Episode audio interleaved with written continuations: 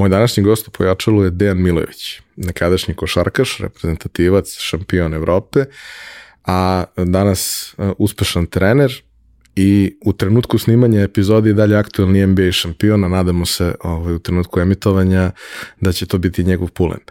Uh, Dejan je sve samo ne običan košarkaš i dok je igrao to je radio na sebi svojstven način i danas je sve samo neobičan trener. Što u strukturi kakva je uh, jugoslovenska ili srpska škola košarke nije baš uobičajeno. Njegov put je zanimljiv, fascinantan, ali energija koju je uvek nosio sa sobom i koja ga je okruživala je verovatno glavni razlog zašto je stigao tu gde je stigao i zašto je postigao sve što je postigao. E, iako vas ne zanima košarka, siguran sam da će vam biti zanimljivo, a ako je volite kao ja, ovo će biti prava poslatica za vas. Uživajte. Realizaciju ove epizode pojačala podržala je kompanija Epson. Epson je već više od 20 godina vodeći svetski proizvođač projektora i štampača za sve namene od onih kućnih do profesionalnih. Posebno vam skrećemo pažnju na aktualnu ponudu Epson Business štampača.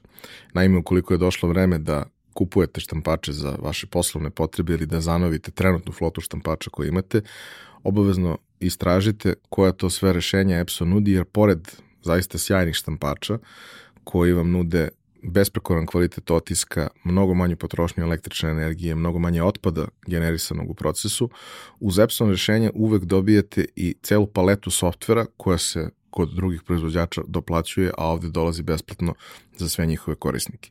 Za više informacija pogledajte businessprint.com, piše se onako kako se izgovara. Hvala vam. I imam još jednu važnu već za vas. Naime, od 1. maja sa krugom prijatelja radim na projektu naša mreža.rs. To je jedno jako zanimljivo mesto za svakog ko je preduzetnik ili razmišlja da to postane. Mesto gde svaki dan izlaze neki interesantni korisni tekstovi, a jednom nedeljno predstavljamo neki zanimljiv mali biznis. Takođe, svakog meseca radimo veliki intervju sa nekim od zanimljivih ljudi sa, sa ovog tržišta, nekim od ljudi koji su lideri u, u onome što rade, pa tako, evo, prvog meseca imamo Slavimira Stojanovića Futra.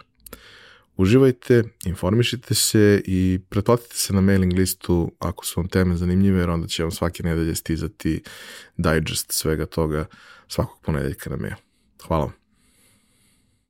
Za slučaj da želite da nas podržite vi individualno, uh, možete da posetite link u opisu podcasta na platformi Buy Me A Coffee i tu možete kupiti mesečnu pretplatu ili jednokratno donirati neki jednost koji želite. Hvala vam unapred na tom.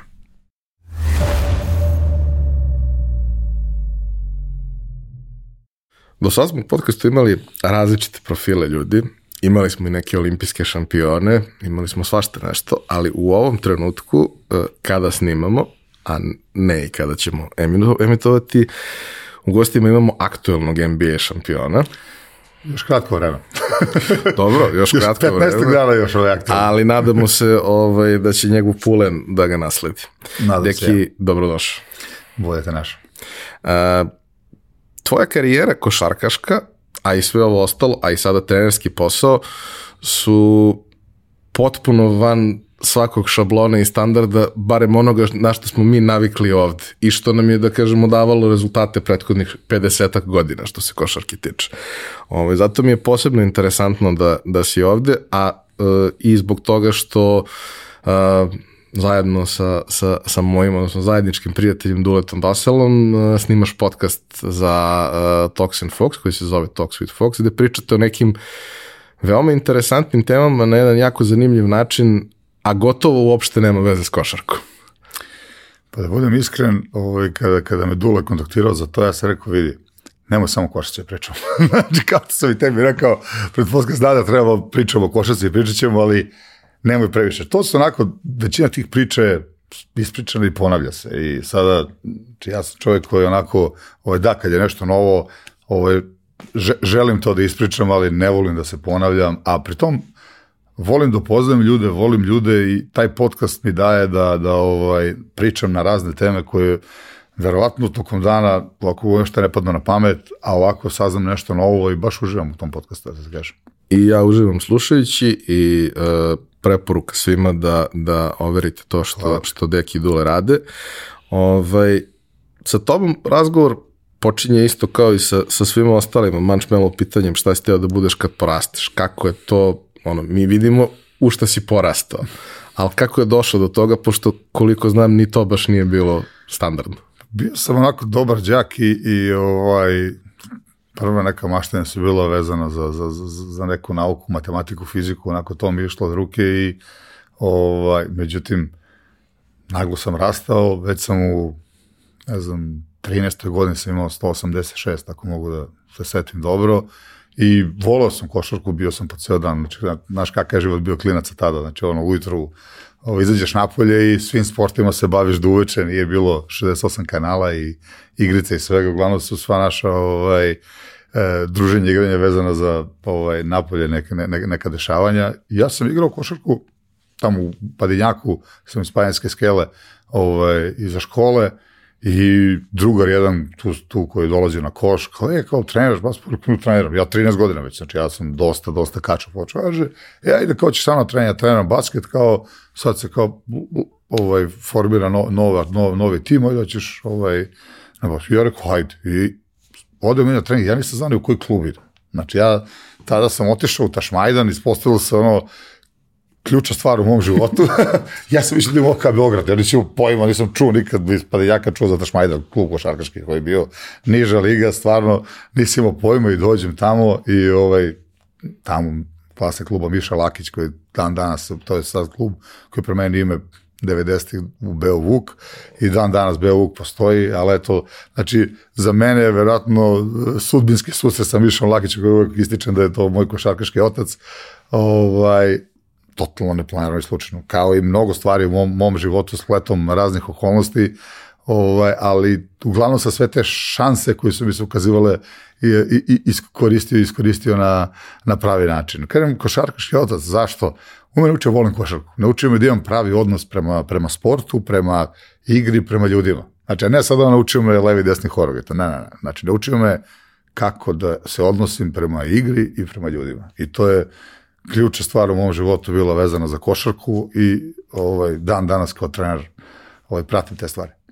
Je li bila neka priča sa atletikom? Ja se sećam neke priče sa atletikom. Jesam, znači bio, otišao sam kod Novice Pantelića koji mi je slučajno posle ovaj, bio i kondicioni trener i on je bitna stavka u mom životu, ali ono, e, pa, pa, škola u Panjskoj skeli je sa opštine Palilova i, i ovaj, OKK Beograd je, u stvari to je omladinski atletski krug ovaj, Beograd je trenirao tamo na Ofkom stadionu i mi, oni imali su saradnju da sad iz škole dođu neki klinci da ovaj, trče uh, tamo i ako, a i ako bude neko talentovan, da ga nagovore da krene da trenira ovaj atletiku. Međutim, atletika, ovaj, uz izvinjenje svim atletičarima, meni malo zadovoljstva nije, nije pružala, nisam baš bio ni pretrano talentovan za to, ali probao sam, pre, trenirao sam svašta pre košarki, borilačke sportove neke ovaj, sam trenirao, ali uh, to je sve bilo onako usput, ovo je bilo prvo, ja sam znao momenta kada sam počeo treniram da je to to. Ja znam iz razgovora sa nekim ljudima koji su imali prilike da igraju protiv tebe, ovaj, a i neki koji su igrali sa tobom, da e, svi to opisuju kao predivnog, veselog, pozitivnog i sve to i najjačeg čoveka protiv koga su ikad igrali. Jer kao to je bukvalno kao da guraš zid. Sad ima i ovih što su imali prilike da guraju šeka, pa kažu da je to dosta gore. Iskreno, ali... iskreno to mi je žao što nisam se nikad pogurao sa šekom, jer uh, stvarno sam, i prirodno sam jaka i dosta sam radio. I uvek sam voleo to da ne izgledaš jako, da budeš jak. Znači ti sad kad ješ u teretanu, ti možeš da radiš da se napumpaš i da budeš, ne znam, ovoliki. Ali to ne znači da je tvoja relativna snaga, znači snaga u odnosu na, na ovaj, težinu koju imaš, da je, da je ovaj, ekstremno jaka. Ja sam uvek više volao da vidim ljude koji prvi pogled onako vidiš da je jak, ali nikad ovaj, ne bi rekao da diže neke ekstremne težine, a ja sam u stvari ovaj, bio taj. Jer, i pri tom stvarno nikad nisam uzimao ništa od suplemenata, jer baš bi bila fora, čak čak sad ono negde je krivo što nisam one osnovne suplemente uzimao, pričamo o, ne znam, kreatinu, o, ne znam, aminokiselinu, ja ništa nisam pio. Znači, bukvalno ono, kruška jabuka, šunka slanina i, i to je to, to je bila moja, to je bila moja iskrena tada. Ovaj, I ja sam na taj način, verovatno po, po ovaj, težinama kojima sam dizao, bio fizički najjači čovek u, možda i u Evropi u tom trenutku. Jer sam i voleo kroz jezanje s društvo BBB, koliko šta, koliko ovo, koliko ono, to su bili ovaj, ozbiljni brojevi i onako simptomatično je da e, da li je to zbog toga što nisam nikad ništa uzimao ili ne, ja sam danas, ne radim puno teretanu, radim ono, s vremena na vreme, Ode, odem po neki put, ali mi snaga ne pada. Znači, to je, pala je 30% odnosu na maksimum koji sam imao, ali ovo je i dalje onako dosta visoko, ja sad imam 46 godina, ovaj, to su i dalje neke težine koje mnogi ljudi ovaj, teško mogu da, da ovaj. ja sam uvijek zada sad u Warriorsima, onako, ne znam, se uzmeš, ne znam, bučice od 50 kg, to je 125 funti, znači ja lagano mogu sa, sa, sa, da radim, po, znači to uzmeš po, po 50, znači da, da, da ljudi razumiju, meni to nije problem da radim, ovaj, i onda kad vidi ovi čeg, znači, to, to na primjer Warriorsima ne može da uradi, dan danas. E, ne čudim. Jed, jedan, jedan ovaj ban, banalan primjer. Uh, Iako je Pominješ- ležiri, moj bicep nešto specijalno. Ne, ti zapravo, ja, ja sam tebe zamišljao, još sećam te se iz, iz igračkih dana, ja sam tebe zamišljao sada krupnije. Kad ti došao kao, upravo, pa, to, ni- to, okej. upravo to. A sad ovako ja imam 20 kila više nego što sam imao kada sam igrao. to ti kaj, e to je meni bila fora, ja sam baš volao što sam bio izuzetno jak s jednom normalnom pakovanju. E, pominješ e, Beo Vuk, odnosno Taš i Mišu. E, Miša je za ljubitelje košarke vrlo poznato lice. Za one koji ne prate dovoljno košarku, nego onako fenomenološki, pominje se tu i tamo, imaju one sve priče o e, tri puta doživotnoj su, suspenziji i sve ostalo. Miša do života.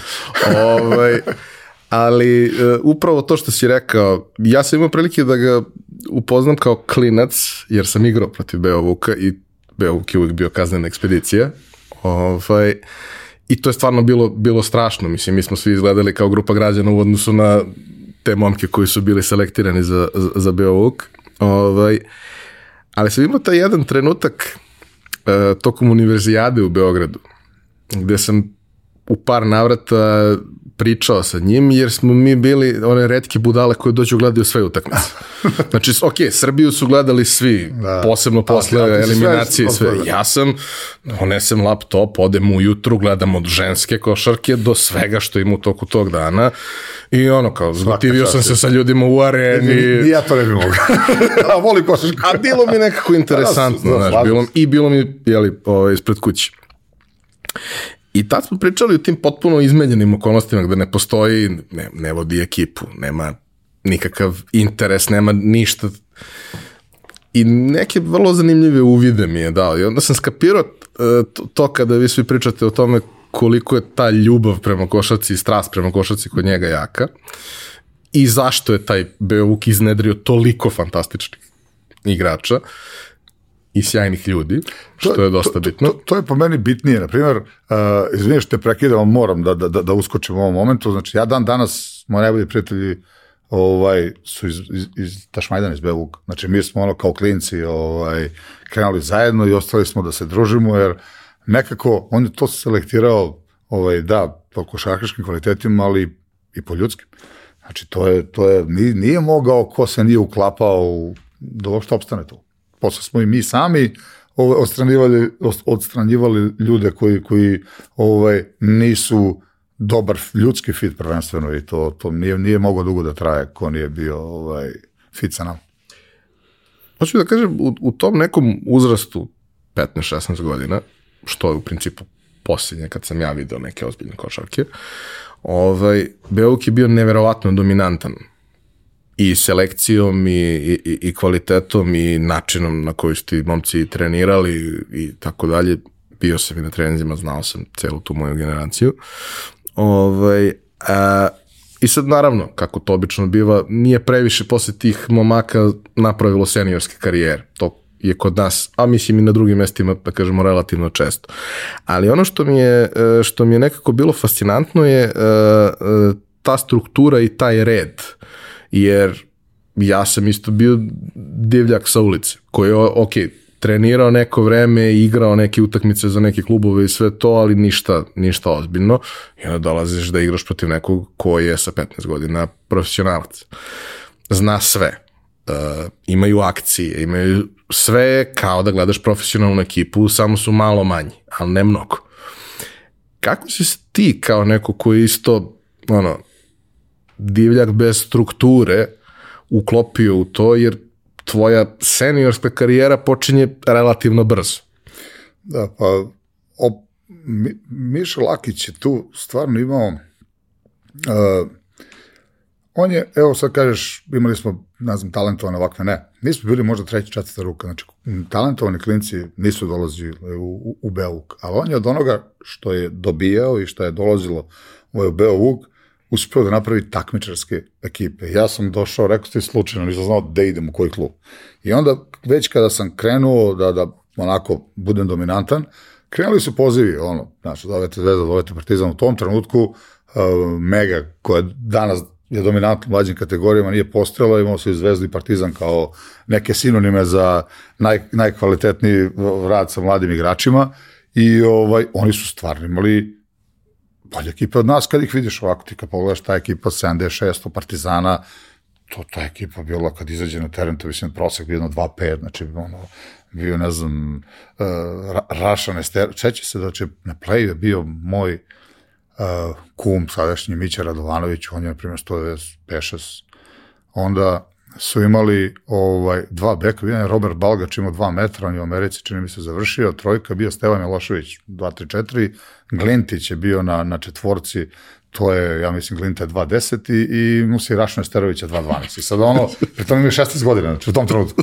Ti onako, mi ono, Beuk, ja najviše sa 199, izlazim i kao igramo sa njim. Ali mi smo se borili. Mi smo, ovaj, nismo nikome priznavali da, da, da je bolji. Ovo je ta naša generacija, ne znam, 76. i 77. Ono, kažem, najviši igrač. Ja posle je došao jedan malo više od 2-1. Znači, Nikola Radvanović, svi smo bili ovo ostalo, ovaj, ne znam, kojeg uslova Štukilja, Davor Istović, koji je posle bio ovaj, GM Zvezde, ovaj, on je igrao sa nama i on je 110, ne znam da li ima 7, 6, eto to. I mi kao igramo sada protiv Partizana, mi smo igrali, mi smo i pobeđivali po neki put. 77. generacija bila najdominantnija, mi smo tu posvajali sve, ovaj, gde je osim mene, još jedan igrač je samo bavio posle košarkom, Bojan Barektarević. Svi ostali, to je prestao kada, kada je bio prelaz u ovaj, seniorsku neku ovaj, košarku, to niko nije mogao da igra, zato što jednostavno nisu bili dovoljno kvalitetni da na više nivo, ali u tom trenutku uz neki pritisak koji smo mi imali, agresivnost veliku, trenirali smo, stvarno smo bili utrenirani, trenirali smo izuzetno jako, ja sad zezam Mišu, ovaj, rekao, sve bi ga uhapsili, ovaj, ovaj, nevladine organizacije, znači, kakvi smo mi drill prolazili, ali i, i, i sad, ali nije to samo Miša bio tako, bio je drugi sistem treninga, koji je po meni bio pogrešan, odmah da se razumemo, ali je davao ti svi uh, ludi trenzi sa, sa satima, znači nekog fizičkog ovaj, rada koji je verovatno bespotreban totalno, ali karakterno slabe ljudi nisu mogli da prođe. I ako je nešto dao, a to je mnogo bitna stavka, i selektirao je ko je kakav karakter, ko nije bio dovoljno mentalno jak, nije mogu proći. I onda taj sistem, inače u, u, u jugoslovenskoj tada košarci, je po meni tim treningom ovaj, i selektirao ko je karakterno najjači, jer, jer nisu mogli, ali evo, ja sam siguran da Nikola Jokić ne bi sada bio najbolji igrač na svetu, da je ovaj prestao bi da tamo treći trening bi rekao da je ljudi. Pritom, Jokan nije neradnik, da se odmah razumemo, znači ljudi njega doživljavaju kao malog debelog koji, ne, ne, Jokan je jedan profesionalac koji radi, ali e, ti, nije mašina. Ti, nije mašina i neće da radi stvari koje nemaju smisla. Mi, ta, mi u tom trenutku nismo, bre, postavili pitanje da li nešto treba ili ne treba. Znaš ono, ja sad kad gledam, pazim, pripremim Miša Lakić, jedan dan, jedan dan trčiš 10 km za 40 minuta, znači naravno uveče košarka, a drugi dan radimo neke tribine, neke satima, nešto skačemo gore dole. Znači svako normalno bi rekao, šesti dan da čemu bre. znači šta postižemo ovim, znaš. A, a ovaj, mi smo bili ono kao vojska, klimneš glavom, yes sir, i, i, i, i ovaj vozi. Evo, to nije imalo smisla, realno. Znači da ti na betonu ovaj, trčiš, skačeš ovaj, svaki dan i iste stvari radiš, apsolutno, evo sada kao trener, govori bi to neko, ovo, ovo je stvar kondicionog trenera, ali imam kondicione trenere vrhunske sa kojima radim i svi do će ti kažu ček bre. to se ne radi tako, ali jednostavno mi smo ovaj, posle toga ovaj, imali snage, iako smo ovaj, bili do, dosta umorni, ali smo opet imali neku volju kad ti je teško da, da ideš kroz ovaj, neke, navikneš na bol, navikneš na napor neki. Znači ja kažem, ne, ne podržavam to, ali ne mogu da kažem da nije dalo ništa to moje generacije. Da i mnogim generacijama pre tvoje. Tako Znaš, je. to i jeste ono što kad pogledaš tu istoriju kao jugoslovenske škole košarke i sve, uvek je tu bila beskonačna količina rada i te pripreme od četiri meseca, kao, Jeste. za četiri meseca možeš od rekreativca da napraviš nekog ozbiljnog. Tako je, ima si vremena to da uradiš. Znači, i, i sada, znaš, ljudi, da, ti kad prođeš to, ne znam, budeš karakterno jak, dođeš, iako ti vjerojatno karijera ne traje dugo, ti sad kad pogledaš, ne znam, Steph Curry u 35. kako izgleda kako igra, ali on kad završi sezonu, on odmori dva meseca, pa onda mesec lagano, pa dok se uvede, oni može, Lebron u 38. kako igra. Ja se u 32. raspao. Znači imao sam onako sistemski ovaj, failer. znači, I to uradim pregled, meni nije ništa. Meni lekari kažu, Dene, znači tebi su oštećene hrskavice, ali ti nemaš povredu, ja nisam imao povređen, ali ja jednostavno sam imao tolike bolove da je to više nije imalo smisla, samo zagrevanje da, da, da omogućim sebi da odradim trening je trajalo predugo. I to je bio meni znak da to nije to i da ne, mora da prestanem i ja sam prestao. Na sreću, opet se ispostavilo da je taj rani prestanak ovaj, mi otvorio posle trenerska mnoga vrata s letom okolnosti, Ali, hoću da kažem da taj sistem rada je verovatno uništio mnoge ljude koji, koji ovaj, su mogli da imaju jako dobre karijere, ali koji nisu bili mentalno ovaj, sposobni to da, da, da proći. Znači, u, u principu, po meni razvoj igrača treba, treba, trebalo bi da bude da ti od grupe ljudi izvučeš najveći mogući potencijal, a ne da ubiješ devet i da deseti ovaj, bude megacar. Znači, bar moj neki doživljaj ovaj, razvoja igrača. Pa mislim da taj moment gde to što kažeš od, od 10 ljudi, e, devet ne može da izdrži drill i onda onaj koji je izdržao drill prođe, to ne znači da je on u realnim okolnostima utakmice najbolji pojedinac od tih 10. Tako je. Ovaj, jer kao što smo videli posle u ovim generacijama koje su došle nakon, nakon tvoje, uglavnom smo imali te uh, talente koje ne možeš da objasniš i opišeš onim nekim standardima. Yes. Znači, to je i, i sada tako, ali dobro. Uh, u kom trenutku si ti skapirao uopšte da košarka može da bude tvoja karijera? To je bio moment ovaj, kada me zvao Panathinaikos, vi sam imao 16 ili 17 godina i to je bilo onako, Miša me stvarno rano gurnu prvi tim. I opet svaka mu čast na tome. Fizički sam bio dovoljno jak da odgovorim na neke zahteve prvog tima već tada u tim nekim ranim godinama. Ali ja se sećam sa 16 godina dolazi Duda Ivković je vodio uh, Panionios. Tvoj stric Loki je ovaj, bio, čini mi se, pomoći tada. I ovaj, dolaze u, u, u Beograd i zakazana utakmica Beo Vuk, koji je tada, ne znam, Uh, prva B liga. Čini mi se uvek ono krećeš sa nekim lakšim protivnikom da igraš, pa bolje pa bolje. I ovaj, kao igramo prijateljsku s njom.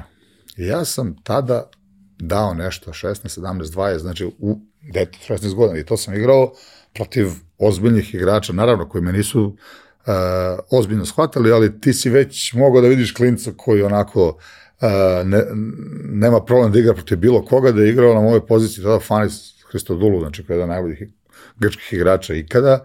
Igrao je, mislim, zvao Toby Bale, jedan amerikanac, NBA igrač. I ja sam protiv te dvojice sa 16 godina i sećam se, Duda mi prilazi i posle i kaže, bravo sine, i onda tamo ono njegovo ako ćeš tamo ovim Grcima a to je talenta, ne bi vaše. znači, znači, to je to, ja počeo se smejem, ali sve u svemu to je neki prvi moment i onda za mene su počeli ljudi da čuju, jer dobra priča lako krene, i mene zvao tada Pani Panathinaikos i nudio mi je neki onako dugoročan ugovor, ovaj, nešto, šest godina, nemam pojma, neke, neke pare u onom trenutku inflacije, znači je bilo ono, čudo. I, ovaj, naravno, splet okolnosti je bio takav da ja nisam otišao.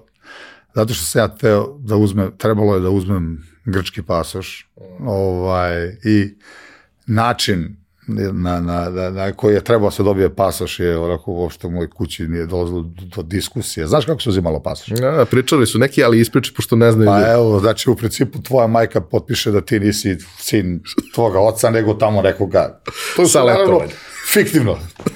Sad, znači, to uopšte moje porodice to se nije dovodilo u pitanje, to uopšte dođe u razmatranje. Tako da kako Grčka i to sve ostaje Dejan u, u, u Beovuku i taš sad da meni tadašnji menadžer, ko, pa ne, ali to je samo figura, ko prijatelju. Znači, toga nema, od te opcije ništa. znači, tako da je. Je, nadrealno, nadrealno. Nadrealno sve bilo. Gurki je pričao. Gurki je imao od svih tih ljudi mislim da, da je Gurki imao najnadrealniju priču, zato što ono, mislim, autobus eh, jedne patike i sa 15 godina dole. Tako je, apsolutno njemu svaka čast. Znači, zamisli ti kako, kako mora budeš mentalno jak da odeš u Grčku, ne znaš reč ni jednog jezika, znači osim srpskog, znači on nije znao ni engleski, ni grčki i sad kao ti tamo živiš, treniraš, radiš, pa to bi se svako normalno vratio. Posle tri dana rekao, mama, ja ovo ne mogu i idem nazad. Ali je, evo, Gurki je došao da je došao i kakva, kapa dolazi to. Kako prelaziš, da kažem, u, u, u ozbiljno takmičarsku košarku? opet je tu bio onako uspona i padova. Ostajem ja u tom Beovuku, Beovuk ovaj, ulazi u prvu ligu tada, eh, pravi jedan mlad, ambiciozan klub i to, to je ovaj, bila onako ideja. To je bio preteča verovatno svih ovih posle i FNP i Mege, gde je tadašnji ovaj, finansijer vlasnik u narodu dogovoru sa Mišom Lakićem su napravili skroz mladu ekipu, takmičarsku da nam je najstariji igrač bio Sloba Šljivančan, to je pričamo o 95. godini, znači Sloba je 72. godište, to je 23 godine i on najstariji, pa ne znam, Branko Sinđelić čini mi se bio i, i Ivan Milodinović 73. četvrto su bili i onda mi ono šesto, sedmo, znači mi u tom trenutku 18, 19, 20 do 23 i mi imamo ekipu koja igra prvu ligu. To je tad bilo onako avangarda i mi smo igrali super i bila je sjajna sezona, ali ovaj, na kraju oni odluče taj, da, da se skrate liga i mi bukvalno za jednu, čak ni, mislim da nije bila ni pobeda razlike, nego koš razlika,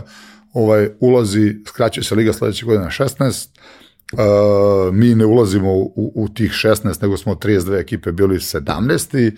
I ovaj, sledeće godine idemo u B ligu, ostaje bez love, tadašnji vlasnik, uh, klub ulazi u probleme i naravno kao onako šlag na tortu, ja se povredim uh, prednje ukrštene pokidam, ovaj, gde su mi doktori rekli, doktor, moj prijatelj, ovaj, e, veliki, sjajan doktor, znači Mića Stanojeković, profesor, on je sad u penziji, pozdravljam ga ovom prilikom, ovaj, gde me je rekao, deki, ti više ne možeš da igraš košarku. Znači, jer ja sam svejsk u kolan, znači to je bilo otišli i prednji ukršteni, meni, čini mi se i lateralni meniskus i sva, svašta. Znači, meni je noga bukvalno se dislocirala, znači kako sad mogu da ovako, meni je otišla, mm. znači pao mi je uh, Zečić, mi se zove igrača noga, sam bio u stavu, on je sa strane saplao se, pao i, znači, bukvalno, Ćao. Ćao. I ovaj, kad je on video, doktor kad je video moju nogu, to mi je rekao, i ono kuće, znači sad ono šok, znači sad strošite se svi snovi, znači u tom nekom trenutku i ono, ovaj, bio sam spreman sad ono šta ako ne bude, ne, ne bude, ovaj, ništa, ovaj, menjam kurs i vraćam se na oci, ali, jer nije, u Srbiji ne možeš da završavaš fakultet i da treniraš 6 sati, ne, ne, ne možeš. Jednostavno, fizički ne možeš eh, da, da, da postigneš to da, da, da uradiš. Amerika je zato mnogo bolja za svu decu, ja svima preporučujem da ti kad ideš na kolež, ti u isto vreme studiraš i, i ovaj, igraš basket i onda ovaj, makar imaš neko osiguranje, neko školu, neku školu, ako se desi ovakav slučaj kao što desio meni. A često se dešava. A to je, na, promili su u pitanju, možda i, i, i, i delovi promila ljudi koji nešto naprave od košarke, a koji uspeju da naprave sjajnu karijeru, to, to je, ma, e, skoro je bilo, ne znam, baš sam Bjelici pričao, da je bio u šoku, ovaj, u istoriji NBA ligi, pričamo sad o NBA, je igralo manje od 5000 ljudi, Da, da. 4000 i nešto, Za 70 godina. za 76 godina.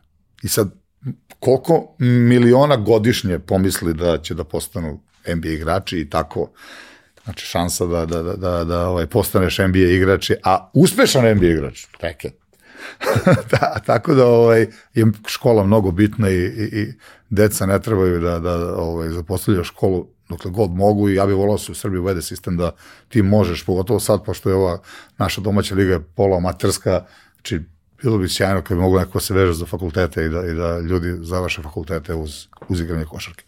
Ovaj, da se vratim Elem, ja sam malo rekao, ajde da probam da se vratim u tom trenutku. Ovaj, pri tom postala neka šansa da se uradi neka operacija koja je u ono vreme inflacije koštala, sećam se koja je nešto 3-4 hiljade maraka tada, Mislim, vidi, mogao sam u tom trenutku ja i moji familije po bubrek da prodamo da bi došli do tih para u momentu kad je plata 5 do 10 ovaj, maraka tada. Tako da je plan ovaj operacije ovaj otpao, tako da je bilo daj da vidim šta možemo da, da, da ovaj uradimo da se ja pravim da se vratim. I ja sam godinu i nešto sam se vraćao, znači nikad više nisam atletski bio kao što sam bio, jer to je leva odrazna noga bila, uh, oni koji me znaju iz tih linačkih dana znaju koliki sam odraz imao, nikad to ni blizu nije bilo, ali sam siguran da ne bi postao to što sam postao, ni ovo što sam sada postao, da mi se ta povreda nije desila. Zašto? Zato što odjedan, moraš promeniti stil igre, moraš mnogo više da kreneš da razmišljaš i mnogo sam razmišljao šta su sada moje prednosti, moje mane, šta mogu da popravim, šta ne mogu da popravim ovaj, u odnosu na to što sad više ne mogu i nisam ni mogao. Ja sam, mislim, jedan fenomen uh, da, da, da, ja, ja sam igrao bez prednjih ukrštenih ligamenata, sam igrao sam košarku, gde taj profesor Mića Stanojković dan danas kaže, deki, na predavanjama me je pominjao i kaže, ti po knjigama nisi mogao da se baviš profi sportom. Ti si me naučio da to što piše u knjigama nije uvek tako. znači, nego da postoji šansa da neko ko, ko ovaj, ovaj, ima on to zove sveto trojstvo, znači, ovaj, e, može da, može nemoguće da napravi. I sad onako, e, e, nije to išlo brzo, ali malo po malo po malo, ja sam odigrao sezonu, došao sam posle godinu i po pauze skoro i tu je mnogo mi pomogao sadašnji terapeut ovaj, Zvezde Mića Ćirić, znači naravno s doktore ovaj, za rehabilitaciju ovaj, su, su, su mi pomogli, ali Mića je tu radio najveći deo posla i kondicionalni trener Novica Pantalić naravno. Ovaj, ja sam uspeo da igram profi, posle godinu dana, te godine kad se vratio, tih pola godine sam se prilagođavao i onda sledećeg godinu sam odigrao sjajno i bio sam MVP B lige i to pričamo, to je 97. 98. I kreću ponude, znači u tom trenutku zovemo Zvezda Partizan, FMP i Hemofar. Zvezda Partizan, ono standardno, dođi dokaži se. Kad ti kažu dođi dokaži se, znači igraš nula. ja, ja sam uvek volao da igram i nisam želao da se, sedim na klupi. Ovaj, a Hemofarm i FMP su mi nudili da igram, znači u startu minutažu, s tim što mi onako FMP bio u Beogradu. Ja, znači, to je bio, realno glavni razlog što ja neću sad u Vršac da idem, ovaj, ovde mi je Beograd, i sličan je koncept, dobar je, jedan tim dobar drugi, oba imaju svoju halu, Dobro, i neki mladi bio, ljudi isto. Jeste, znači mladi ljudi oko tebe u oba kluba, novac bio isti, manje više, tako da idemo u FNP. I to je bio stvarno onako dobar, ovaj, ali tu pričamo sad evo splet okolnosti, evo, evo situacija koja je opet promenila moju karijeru. Svi su mislili u tom trenutku, pošto je, jel te, bila moda da, ne znam, centar bude 2, 68, a, a ovaj, znači, vol, bar 2, ne znam, četvorka da bude barem 2, 6, 7, 8, trojka oko 2 metra. Znači, ja sam sa mojom visinom 199, znači tu bio 2 na 3. I onda su oni mene pokušali kao, jel te, ne može on da igra tu poziciju visokog sa, sa tu neku četvorku. Ja sam više bio 4 na 5 nego 4 na 3, ali kao ajde kao da probamo da ga izvučemo na trojku.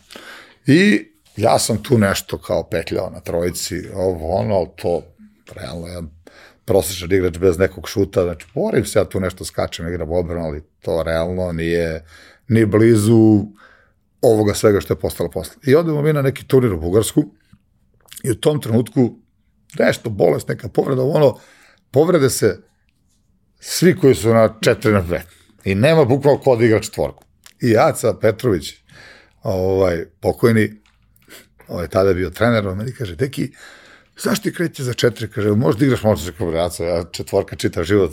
Znači, jedva čekam da mi ovo kažeš. I, I ja na tri utakmice, sve sam imao ono tipa 20 na 20 skokova, znači nešto sam, ideaca meni je pa ti si mnogo bolji na četiri, pa to pričam sve vreme. I ja od tada više nikada nisam igrao na tre. Nego je ovaj, bio četiri, povremeno sam igrao ponekad u nekim kombinacijama na trojici, ali četvorka bila moja osnovna situacija i ovaj, ja sam, znači, od Beo Vuka u maju, uh, to je bio, znači, B liga, u decembru sam dobio poziv za reprezentaciju. Znači, i to, a, seniorsku. A i to je bilo, to je bilo. Mi smo tada imali neku internu foru sa onom klinci, znači da se zezamo telefonom, okreneš nekoga, da. predstaviš se kao novinar i znači uradiš jedan dobar intervju i onda, i onda zezamo ovaj drugara posle. I zvoni mene telefon i dobro večer ovde Dragan Kićanović, Kić. I ja mislim nekoma zezam. znači ja ono, sve onako, a važe, čao, znači ja budem onako vrlo, ne, možda se kića moga ni ne seća, ali verujem ja se sećam. Ja onako sve na, na, na ler, kao, kao, vi kao, o, pratimo te i kao, evo, za reprezentaciju, a, rekao, važi, rekao, nema, i o, ja to spustim slušalicu i to sve, i dolazi meni Jace Petrović, ovaj, sutra, i kaže, neki, sad sam pričao, kaže, ovaj, Kića te zvao kao juče, Kića, joj, rekao, Aco, izvini se čoveka, rekao, rekao, molim te. Znaš, nisam ja rekao ništa loše, ali uopšte nisam bio ovaj, ljubazno prijateljski, ja sam kakav sam inače sa ljudima, znači ko me zna, nego sam išao da me neki od drugara zeza i bilo, uopšte sam mogla da poverujem da sad, kažem ti, zovete, rekao da ćeš biti, ne znam, ovaj, da, da te razmatraju za, za reprezentaciju u tom trenutku. Kakvi, ja to meni pamet nije padalo. I ovaj, od sutradan onako, kada sam čuo, ja vozim se ko kolima kući, rekao, znači kako, šta sad? šta sad, znači to je onako, ve, te 98. kada sam išao na pripreme, ovaj, to je bilo 98. 99. da, bilo su bilo bombardovanje, ali bilo su neke pripreme, ne, bombardovanje je krenulo kasnije, da, bombardovanje čini mi se, ne, bombardovanje je krenulo da li 90, 99 u martu. U martu, da, da, da. Znači, mi smo imali neke pripreme, nešto početak, pa su oni trenirali van, ovaj, otišli su dali u Grčko, vole, ja sam to odpeo odmah sa tog prvog spiska, ali to je bio neki prvi moj kontakt sa reprezentacijom, čini mi se, ne mogu setiti da li sam možda bio 98. na pripremu, više, to je sad davno bilo, pa ne mogu setiti, ali znam, da onako, pre dve godine, 96. kad je bilo Atlanta, sam tamo na trgu sa masom navio za reprezentaciju, sad sam bio sa tim istim ljudima ovaj, u, u hotelu u karantini na treningu, znači to je za mene bilo onako sam taj čin da sam uopšte pozvan na te pripreme bio jedan veliki, veliki uspeh. A kažem, vrlo, znači, simpatično kako sam uopšte počeo da igram četiri.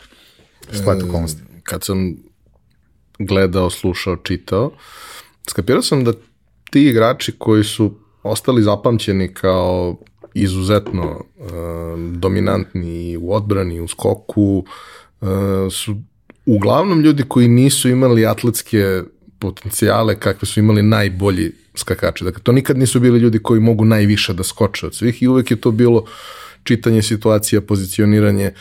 Naš Rodman je blesav, ali on kad je pričao o tome kako je studirao šta se dešava, tebi je jasno zašto je on ima prosek 20 skokova. Barkley isto tako. Kao to, vrlo nekarakteristični igrači za tako neke pozicije. Naravno, imaš i ove koji su 2.20, pa kad raširi ruke, pokupi ko kišobran sve. Ali upravo taj moment što si, što si ti pomenuo negde da moraš da razmišljaš, da moraš da budeš drugačiji, da moraš na neki način da se prilagodiš celoj situaciji, da nađeš svoje mesto i da iskoristiš tu, napraviš neku svoju prednost. Znaš, to nije nešto što obično igrači rade. Jeste, ja kažem, to, ta, zašto je ta povreda za mene bila onako bitan preokret? Da ja sam, kažem, bio stvarno dominantan ovaj, u, u, u nekim fizikalijama pre te povrede i onako tu puno ne razmišljaš, znači ideš preko čoveka, znaš da ćeš skočiš više od njega, gore, završiš preko njega i to je to. I onda bi me, da sam takav ostao, stigli u seniorima ovaj, fizički dru, drugi ljudi, a ja ne bi imao counter da, da, da, da, da ovaj, drugo rešenje za to. Međutim, ta povreda mi je dala čeg, ja sad više ne mogu da, da sam mogu zakucam. Sad zamislim da igraš kao 4-5, ne možeš zakucaš, čega, šta, šta mogu da uradim. I onda je bilo da e, ja mogu da ojačam da budem najjači. Znači, to sigurno. I onda sam, to je jedna od bitnih stvari, apropo skoka, evo, to mi i danas koristi ovaj, i koristi kao trener, ova, kao treneru, ovaj, bili smo 90 i, mislim da je bila sedma, u Americi neko turnej Beo Vuk je organizovao, organizovao gde smo išli igrali sa nekim koleđima i bili smo u Čikagu i gledali smo Chicago Bullsa protiv Orlanda, to je za nas sve tamo bio onako, gledaš Jordana u život, čini sam mogao da spavam tri dana, ovaj, da, da dočekam tu, tu utakmicu. Međutim, meni je Rodman ostavio jači utisak nego Jordan. Uh, da, MJ je ono, fade away, taj već krenuo da igra dole malo više leđima, primi loptu, hoće levo, hoće desno, skoči metar i pol, onako svi su mu ovde i, i ove, ove, ove, da, 40 nešto, bi toga čuvao Penny Hardaway koji je u tom trenutku bio zver, a, a nije ga osjećao MJ. Znači, mislim, stvarno čudo. Međutim, ja gledam sad Rodmana prvo onako zagrevanje, njega nema zagrevanju. I on onako izleće posle, sam mi pričao da se on zagrevao u teretanjem, dizao tegove pre utakmicu, izleće onako pun sprint, trči tamo krug svojim negovim ludim trkom i to, hala, ono, delerijom. Ja sam snimao kako se on relocira i, i, i, i šta radi, kako radi i onda sam krenuo ja to da radim. Znači, neke stvari, kako da se pozicioniram, mnoge stvari sam sam zaključivao, jer ti ne možeš od jednog gledanja da skapiraš šta neko radi, ali sam video da nije to ono, kao što smo do tada radili, znači, gde se zadesio, gledaš loptu, gledaš, zagradiš svoga da uzmeš loptu. Ne, to nije radio.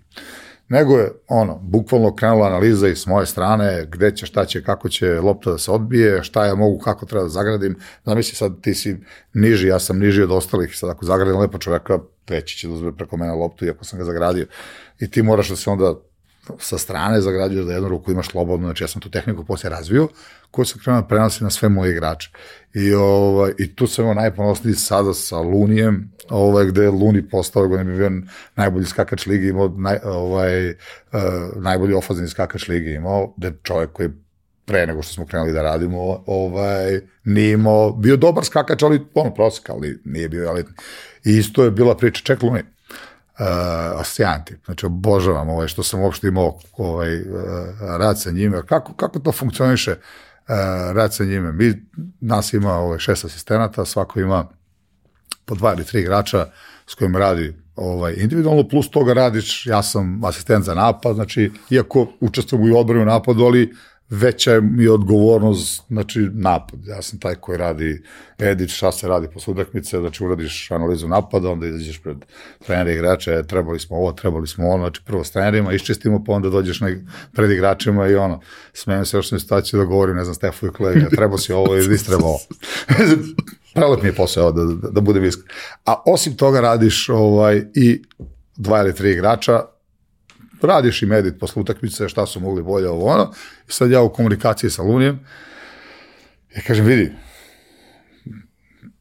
to si što si, da vidimo šta možemo da popravimo. Znači, št, koje, koje je ovaj, uh, koji elementi igre možemo da popravimo, a da opet ne narušimo tvoju ulogu u ekipi, jer uh, on i ne, on bi mogao bude mnogo bolji strelac nego što je, ali nama to ne treba kao Warriorsima, zato što ovaj, imamo dva, tri ovaj, vrhunska napadača, Stef je jedan od najboljih ikada i ti želiš da ti što više lopta bude kod Stefa ili, ili kod Kleja. Ovaj, znači, Lun je tu u funkciji igre, ali skok je jedna od stvari koja apsolutno ne može budeš sebičan u skoku i pri tom tu postoji šansa jer je uh, građen, jak je, dug raspon ruku i uz ovo što smo radili, ovaj, on postoji šansa da postane elitni skakač. I to je onako, nije to sad ja mu kažem i pokažem i on, on krene da sutra skače, nego košarka igra navika. Ti moraš da radiš, da radiš, da stičeš navike, da posle utakmice radiš, edi da deki kaže, vidi, mogo si u ovoj situaciji ovo, mogo si ono, ovde se nisi pozicionirao, ovde, ovde. I to je onako trebalo jedno pola godine da legne i eksplodiralo je u play-offu prošle godine, gde je stvarno digu igru na, na viši nivo prvenstva. Taj, taj skok a pogotovo ofazani skok, to što ubija protivnika, znači ti odigraš dobru odbranu, sve da uradiš kako treba i onda ne uvotiš loptu da neko iznese i e, najveći procenat šuta za tri pojene posla ofazivnog skoka. Ovaj, to je i analitički ovaj, najprecizniji šut ovaj, u NBA ligi. Neko skočka izbaci napolje, ta trojka. No, ta energija je s jedne Jest. strane neverovatna, s druge strane imaš i taj moment da jednostavno imaš više pokušaja da uradiš Tako istu je, stvar. Tako je, tako je, jedna, od- jedna od ključnih stvari i to mu je posle dodalo i novi ugovor, a i rating sada koji ima i sad je poborio neke silne rekorde, dao, ne znam, Warriors i ne znam od kog igrača, ne znam, imao je 3 ili 4 puta po 20 plus skokova ovaj, u, u play-offu, što je fantastično i kažem, mnogo sam srećan zbog njega, to je jedan divan čovjek koji, koji to zaslužuje. Znaš kako, ovaj, za razliku od ostalih članova ekipe, ja sam veliki fan Warriors. Ovaj, I e, stvarno uživam u, u, u tome što oni igraju, zato što mislim da ti je to jedan moment kada se desi nešto potpuno novo u košarci. Znači, pre toga nisi mogao da zamisliš da postoji ekipa koja igra na taj način i onda gledaš i to je poezija. Mislim, gledao sam i uživo, gledao sam do duše uživo utakmicu na kojoj su obojica bili povređeni. E, e, sad možeš da zamisliš ovaj, kako, kako je meni lep posao kada sam ja sad jedan od ljudi koji ovaj, je, je, je deo toga. Mislim, pričat ćemo, kažem, cela organizacija mi deluje neverovatno. Ali to kao, ako misliš da si znao da igraš košarku, gledaš trening Warriorsa, ja sam gledao par dana nakon toga i trening onog Portlanda sa CJ-om i ovaj, uh, Lillardom i Znaš, ono, posle toga ne poželiš nikada da šutneš više, jer zašto bi? Mislim, vidiš kako to ljudi rade, nema potrebe da, da bilo šta kvariš. Ovaj. Ali dobro. Um, Nećemo da idemo u sitna crevca sa tvojom karijerom, zato što prvo Luka i Kuzma su to već lepo uradili, bilo je divno slušati. A, Pa bio, bio taj podcast jako lep i sad evo sam se vidio s Kuzmom pre neki dan i on kao, ej deki, ja ću dođi, ako neću. Rekao, čoveče, sve smo ispričali, ček bre malo vremena da prođe, samo, samo može se ponavljam. I stvarno to mislim, znači, tako da, da ovaj, e, e, treba dozirati ono šta pričaš. Ne, ne, znači, ako je meni dosadno da, da ja pričam to ponovo, onda je dosadno i ljudima koji to slušaju, 100%. mislim da grešiš, mislim da nema toliko ljudi koji su to čuli i koji to znaju, ali razumem. Vidi, opet, ako je meni dosadno, Volio bih samo da u, u tom, da kažemo, delu tvoje igračke karijere ostanemo kroz, da prođemo kroz neke najvažnije tačke. Jer prosto mislim, opet, ti si imao lepu karijeru. Ona je mogla da bude i veća i tako dalje, ali to je bila jedna lepa karijera sa nekim individualnim lepim uspesima i nije, timskim. Nije sa mojom glavom, znači kako, kako to, evo sad šta to znači. E, ja sam čovjek koji voli život, volim košarku, ja obožavam košarku, ali ja volim lep život. Ja nisam donosio odluke nikad ni kao igrač i kao trener, gde sam se pratio samo sport, šta će meni biti u sportu najbolje. Ja sam želeo da i moja porodica lepo živi i, i šta to znači? Evo, na, banalno, ovaj, Ne ide se u, one ćoškove Rusije, recimo. Znači, pazi, iz Partizana me zove CSKA, stvarno, i ja idem u Valenciju. Znači, ko u tom trenutku ne igra ništa. Znači, ne, ne, ni, ni igrala evropsku takmičenje uopšte. Ja bre, raspadam se, boli me sve živo. Ovaj, meni bi trebalo da malo odmorim tamo sunce, dobar ambiciozan klub, ne igraš tamo u nekom bez veze klubu, ali ja sam odbio 50% više para u CSKA, Evroliga, ja sam otišao u Valenciju da bi prvo volim da igram, ovaj, igrao bi više, drugo tamo bi voleo ali lepši život. Moja porodica je živjela lepše, mi smo živjeli lepše. Iako smo zaradili manje pare i kar, karijera mi je verovatno, i, i kad odeš u CSKA, iz CSKA odeš ne znam gde, a ja iz Valencije odem u Galatasaraj, ali meni je Galatasaray bio super izbu Istanbul, bre, divan grad. Ja sam opet birao da živim lepo.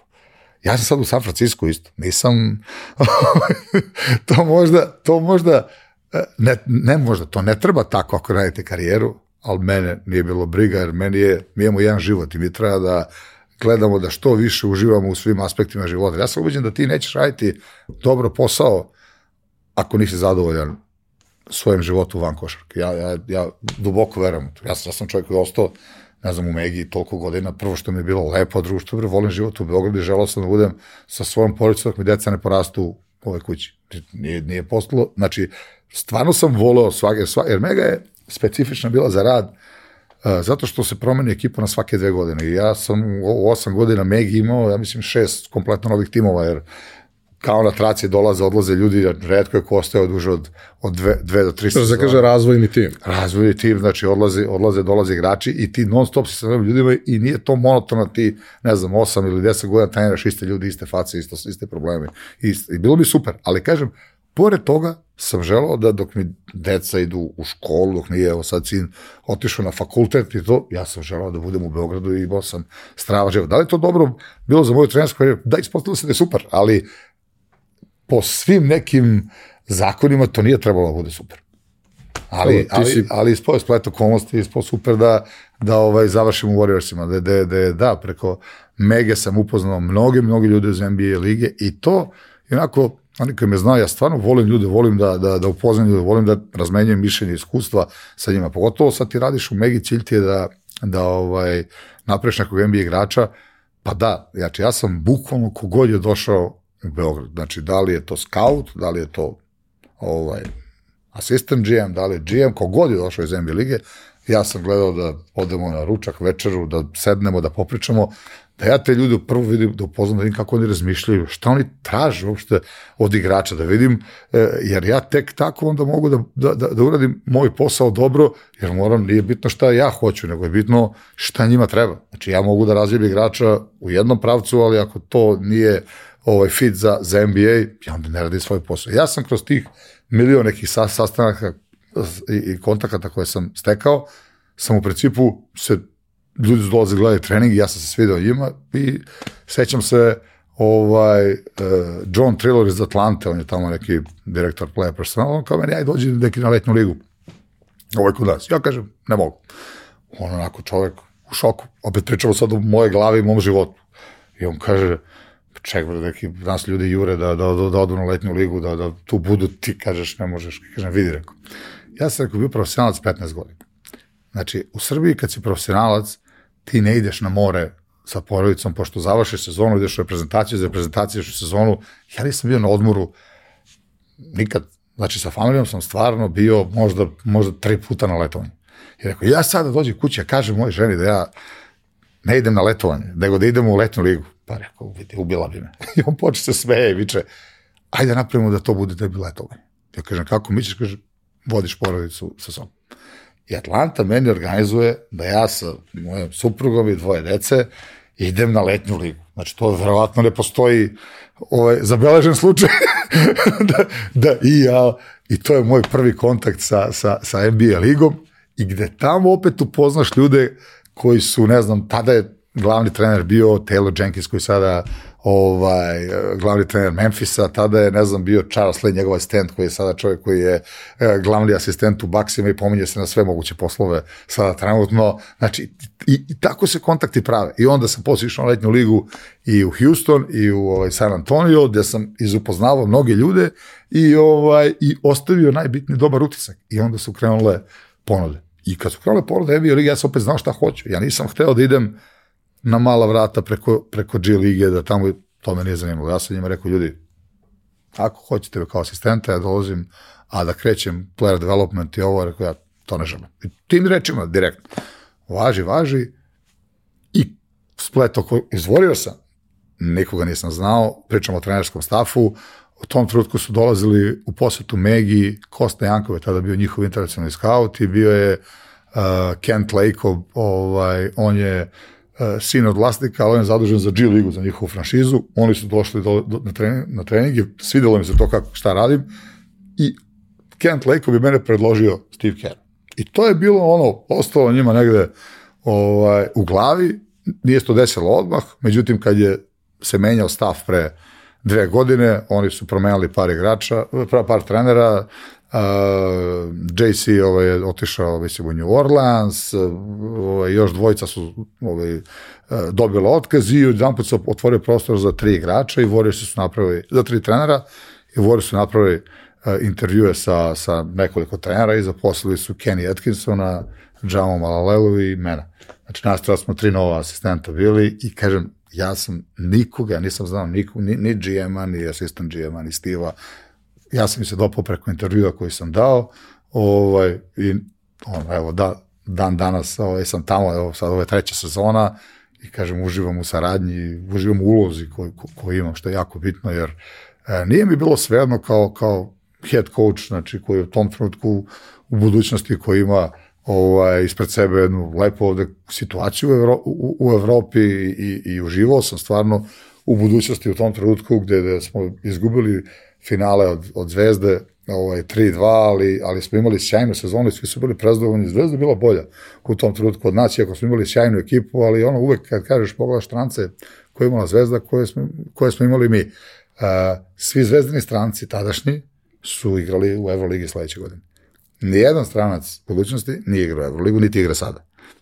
I to je to. A ja sam ponosan što smo mi budućnost napravili, da i ti stranci, ti domaći igrači budu jedan tim i koji igraju fantastično zajedno i gde smo i tu pet utakmicu bili konkurentni da ko me pitaš ko bi volao da bi šutne u tom trenutku kada se lomilo, to je bio Danilo Nikolić, on je imao dva otvorena šuta ovo u zadnje minutu na nešto, na minus dva ili nešto, on je promašio obe trojke i sad se zezamo nas dvojica da je on najzaslužniji za moju NBA karijeru, pošto verujem da smo osvojili tada titul, igrali Euroligu, ne, ne verujem, znam da bi ostao, ovaj, da, ne, da ne bi otišao u NBA u tom momentu, ovaj, ali, ali ovaj, se otvorilo ovo i eto, postao NBA šampion, tako da baš prošle godine kada sam kada smo se čuli ovaj, Nik i ja, ovaj, veze, ja kažem njemu, rekao, da, da, da, ti one trojke, evo, ja ne bi bio sad ovde NBA šampion, ne bi imao prste, ja sam zezam, zezam ovaj, ovaj, sad je ovo prsten Milojević, ovaj,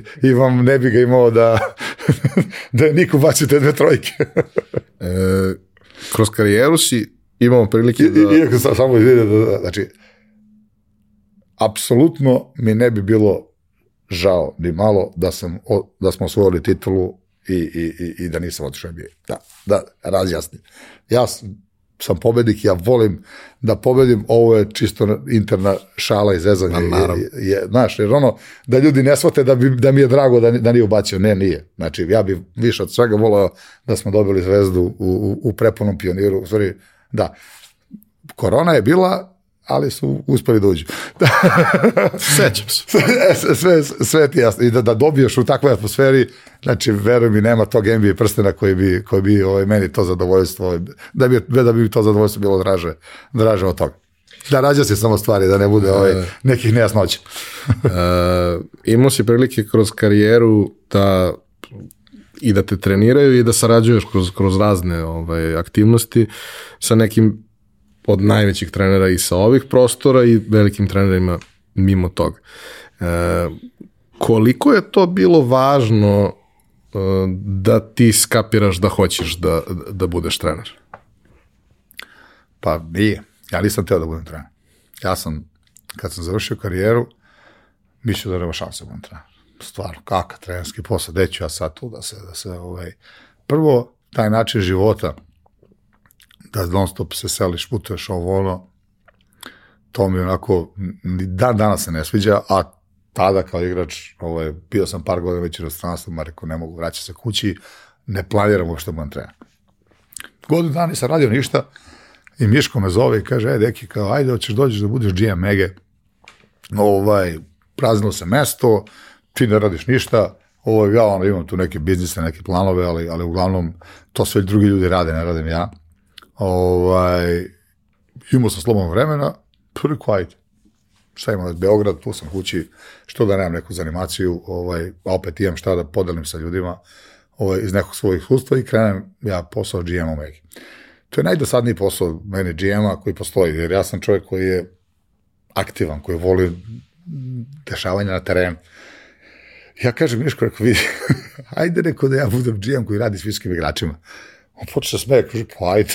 znači, kao, pa ako baš voliš. Ako baš voliš, ajde. I ja krećem, a Vlada Vukočić tada trener, i ja krećem da radim sa visokim prepodne, sa visokim igračima, Vlada, ovaj, naravno, glavni trener i to, i ja i dalje ne planiram uopšte se bavim trenerskim poslom, nego meni ovo sada odgovara. Nešto tu ja radim s igračima, ja vladi više dođem ko pomoći trener u tom trenutku nego što sam kao GM neki, znači smo se konsultovali oko svega i svačega. Ove vlade je sjajan tip, sjajan trener, znači obožavam tog čoveka.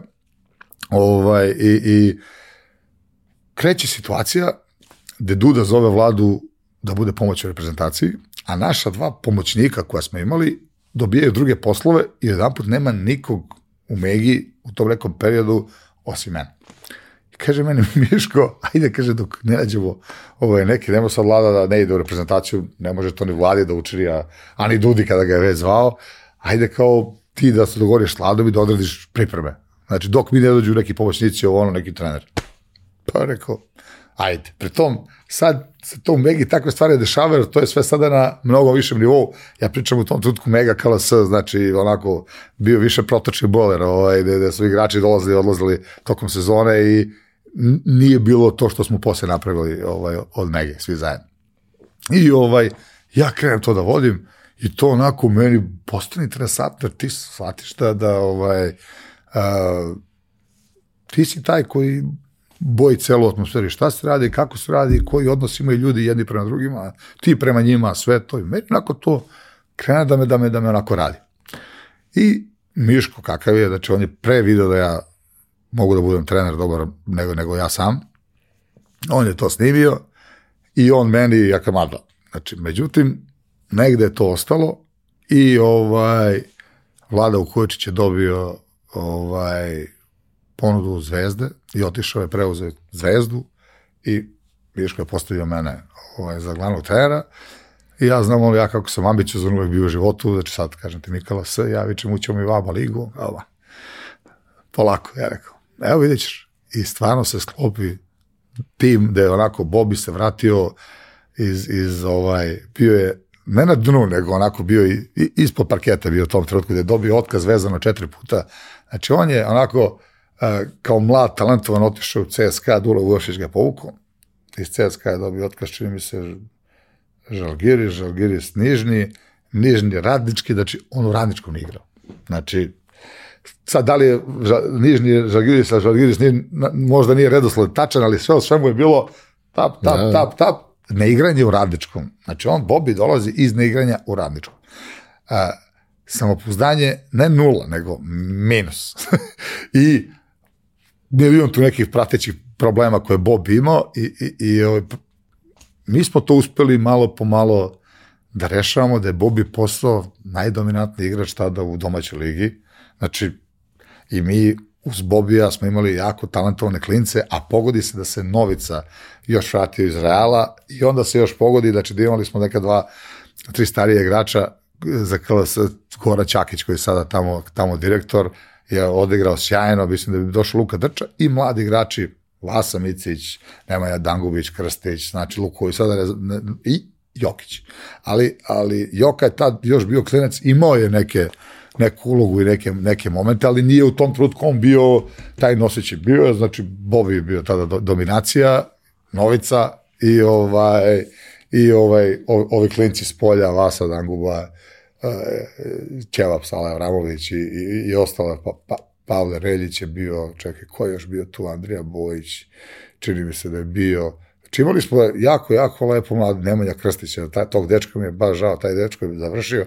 To je onako jedan od uh, drastičnijih padova u karijeri, on bio u reprezentaciji da, da. na evropskom prvenstvu i onako nestaje posle toga, a, a stvarno jako dobar igrač i sjajan momak, ali to u životu sportiste splet okolnosti, pravi izbor trenera, klubova je to što ovaj, mnoge stvari u životu odlučuje.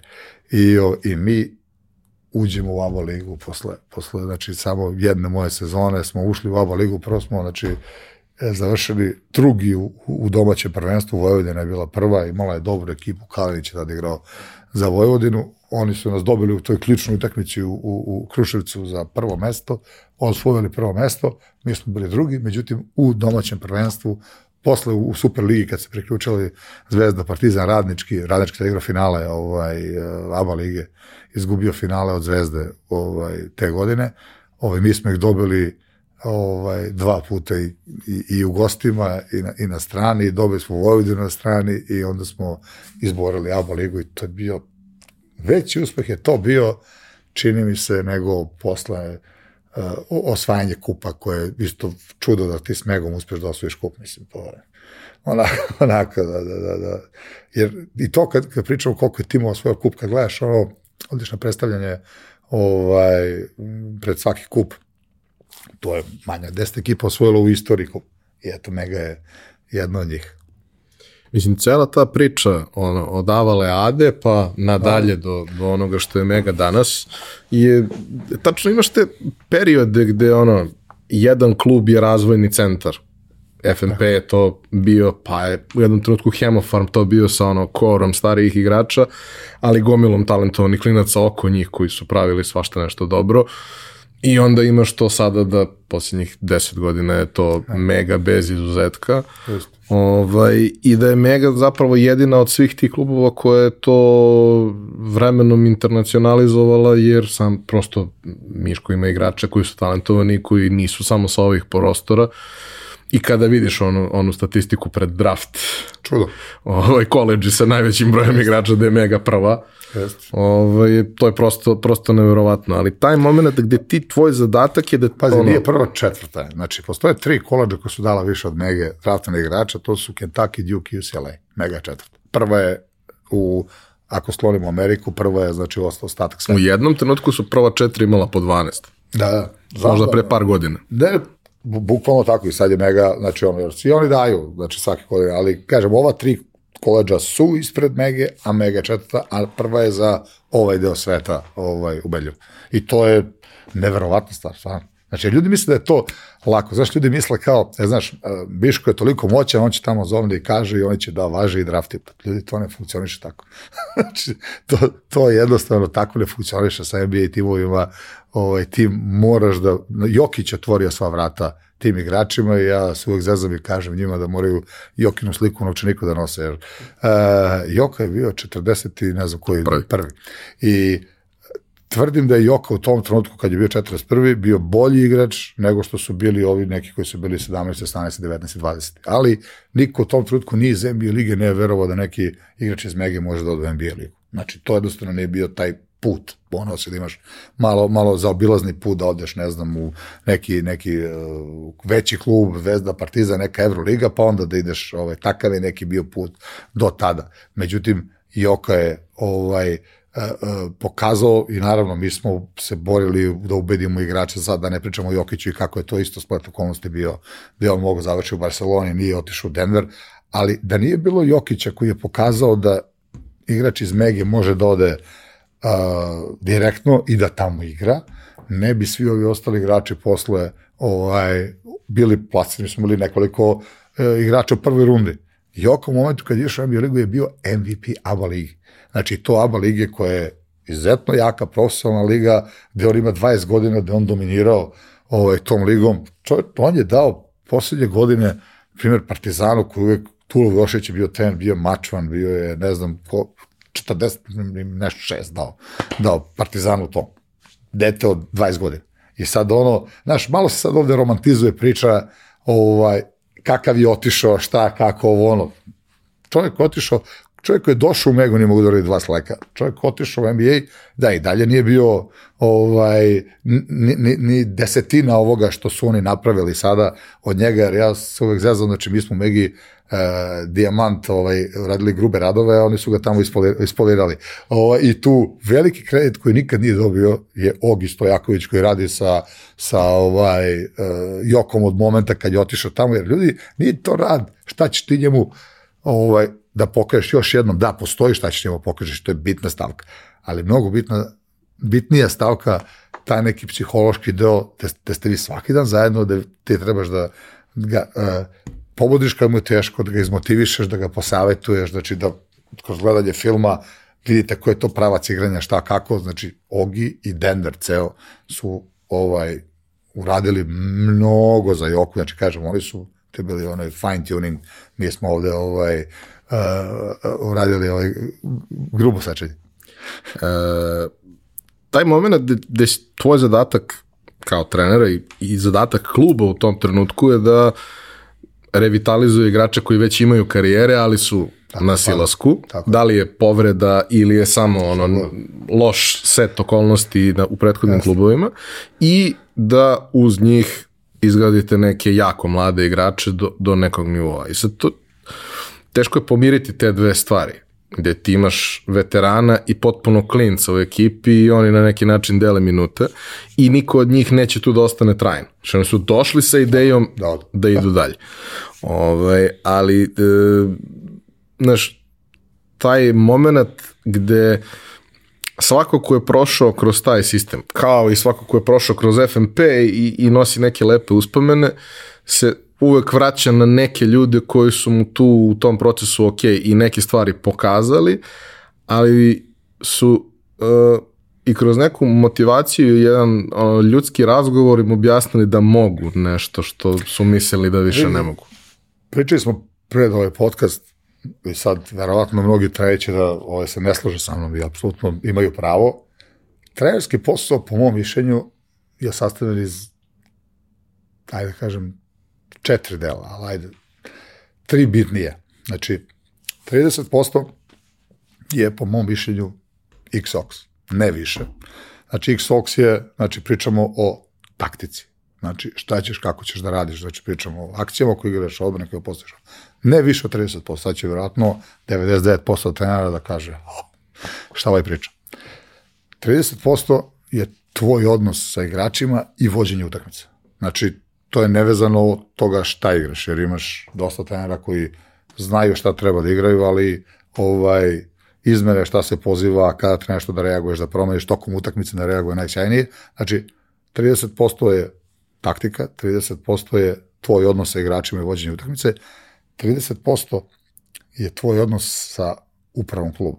Šta to znači? Da ti imaš, da se niste talasu težini sa upravom kluba i da oni razumeju i shvate i podržavaju te, da imate zajedničke ideje, da, da budemo svi na istom. I 10% je sve ostalo. Znači, šta, šta sve ostalo?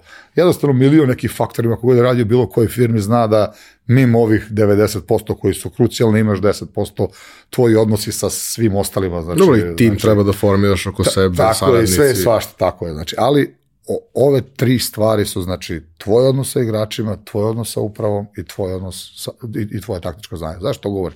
Ti možeš da imaš neku ideju s nekim igračem, ali ti jednostavno upravo ne podržava i one misle nešto drugačije.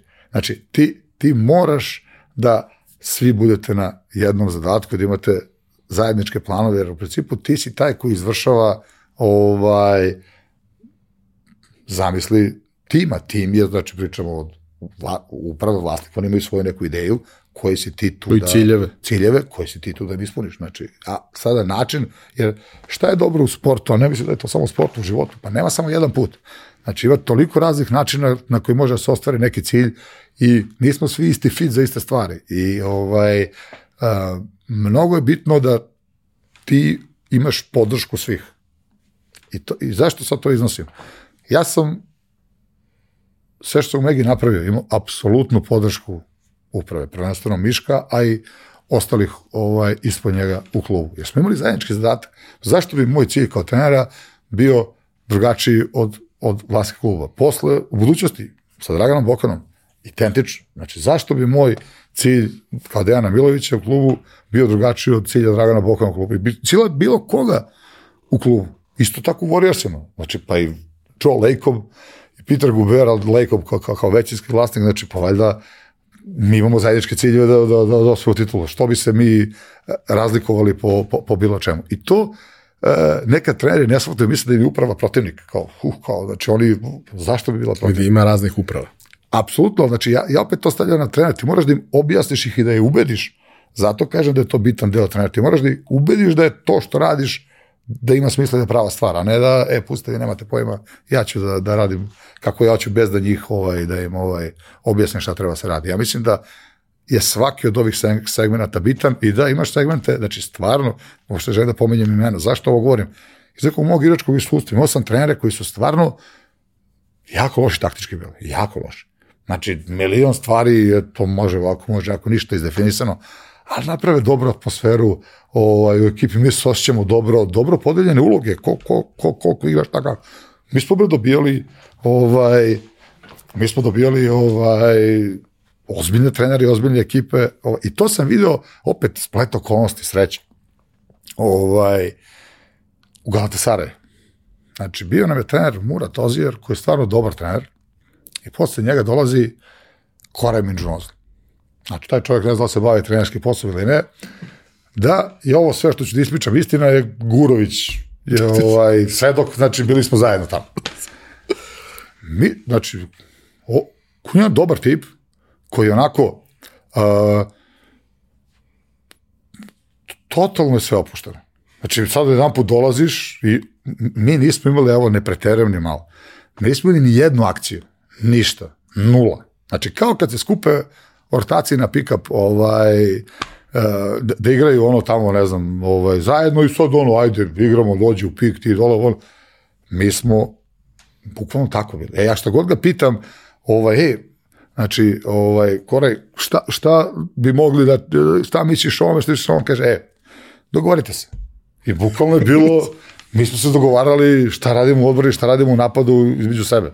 Znači, imali smo sad jednu dobru ekipu, bio je Husein Bešo koji je ta torski reprezentativac, bio je dugogodišnji ovaj, NBA igrač Anthony Tolliver koji, koji je igrao x godina toga u NBA ligi, bio je Quinton Hosley, stranac, bio je Anthony Graves, posle čak igrao malo u ABA ligu, bio je Rashid Atkins na playu, znači mi smo se sami dogovarali, ta, sastan, nismo radili scouting, ništa. Ne, kakav, trenali smo sat vremena dnevno, ka, kao fizički, fizičko profesor dođe da nam loptu, mi se pet na pet onako izigramo, ništa. Znači, i kreće utakmice. Kreću pobede. Znači, mi smo vezali 17 pobeda za redom. Znači, u Turskoj ligi. znači, de, nismo mi sad po imenima bili najbolji tim u ligi. I izbacili smo Bešiktaš sa Atamanom tada i dobio nas je Efes u polufinalu koji je bio ovaj, znači četiri finala smo izbacili ovaj, Bečiktaš, a dobio nas je Efes koji je tom trenutku stvarno bio bolji od nas sa Rakočevićem, Charles Smithom, znači ta cela Mario Kasom koja je sve bio tamo, bili bolji ljudi. Znači, i sad, ali mi smo igrali vrhunski. Stvarno, znači, sećam se, e, Mersin, evo, ovo je živa istina, može, može, ovaj, kažem, da, da, da, evo, Gurke da potvrdi zove ga, pa ćeš da pitaš. Igramo, sećam se, sreda u Kijevu, Salo Bradović trener bio u Kijevu, mi ih dobijemo tamo. Dolazimo nazad, četvrtak, slobodan dan. Petak, mi odlazimo u Mersin, ovaj, tamo je isto bila lepa ekipa, igrao je Bome Kale posle koji je došao u Partizan i bio Chris Lofton, bio najbolji šuter ovaj, tada, tada Turske ligi, imao skoro 60% za tri pojena, neko ludilo, onako, dao je Boši 12 trojke, Boše vodi Fener tada. I ovaj, mi u petak dolazimo, treba da idemo na trening, znači subotu utakmica, dolazi nam kore, kaže, momci, danas nema treninga, team building, idemo, da idemo u bioskop. Znači, mi onako trenerci za, za trening, bus vozi nas u bioskop i sećam se, mi gledamo sa Keanu Reevesom film End of Days i sve je bilo u redu da film nije, nema turski titul, znači, ne, znači da mi pola, ono, znači, pola ljudi ne zna turski i mi lepo kokice i gledamo film na turskom, znači, ono, znaš da u Turskoj je ovaj, sinhronizovano, da, da, znači, turski jezik, sad mi gledamo film, znači nas, koliko stranaca je to bilo više, ne mogu da se setim, jedemo kokići, mi sad vrištimo od smeha, znači, znaš, tebi ništa nije jasno. Sutra ujutro pre podne nema treninga, igramo utakmicu uveče. Znači, mi od srede do subote nismo odradili ni jedan trening. I mi smo dobili Mers. ja i ovako Gurke sedimo u slačonici i kažemo, Gurke bre, pa mi ništa košarci ne znamo. znači, vidi, to je uh, apsolutno bio splet okolnosti da smo bili jako dobro utrenirani sa ovim Muratom, da je on došao ovaj Kora i malo nas tu opustio i ovaj i mi smo na, igrali ono od Murata sami prozivali nešto ranije, Kora je tu bio onako čovek koji, koji je tu bio jedna dobra podrška, stamo je vikao think, vikao i ovaj, bodrira sve i, i to sve, ovaj, i ovaj, to je onako vrhunac, evo, kažem, opet, više svedoka ima. Došao, oni ne, ja ne igram, znači, prvu utakmicu, ne, pritom do tada sam stvarno dobro igra. Ja ne uđem prvu, da, po, drugu, ne uđem. Treću, pet minuta. Rekao, ja ništa, ja sam igrao profesionalac, nikad se ja nisam bunio, čelo ono, u tom trenutku sam, znači ono, Gurke najplaćeni igrač, ja sam u tom trenutku drugi najplaćeni i, i to tada je igralo sjajno. I ovaj, posle četiri utakmice bio je Adis Bećiragić, ovaj, e, isto sjajan tip, pomoći trener je bio tada, ovaj sa Rajlija. I kaže, kaže, deki, zovete Kore na sastanak, znaš. I ja, Kore, ja i Adis, i on meni kaže, e, deki, Kore, ja sam, kaže, se malo zezno, Kaže, ja nisam znao da ti sjajan igrač, ako nisi mi izgledao. Ja sam, kaže, posle malo pogledao, kaže, ti si odličan igrač. Ja ovako, a nisam, kaže, je li mu razredno šta prema priča ovoga, ja napustim. znači, i ovaj, i ono tada kreće da mi, znači on imao pojma ko sam ja, znači, jer on je bio glumac pre toga, on je glumio, ovaj, u filmu nije bio ni trener.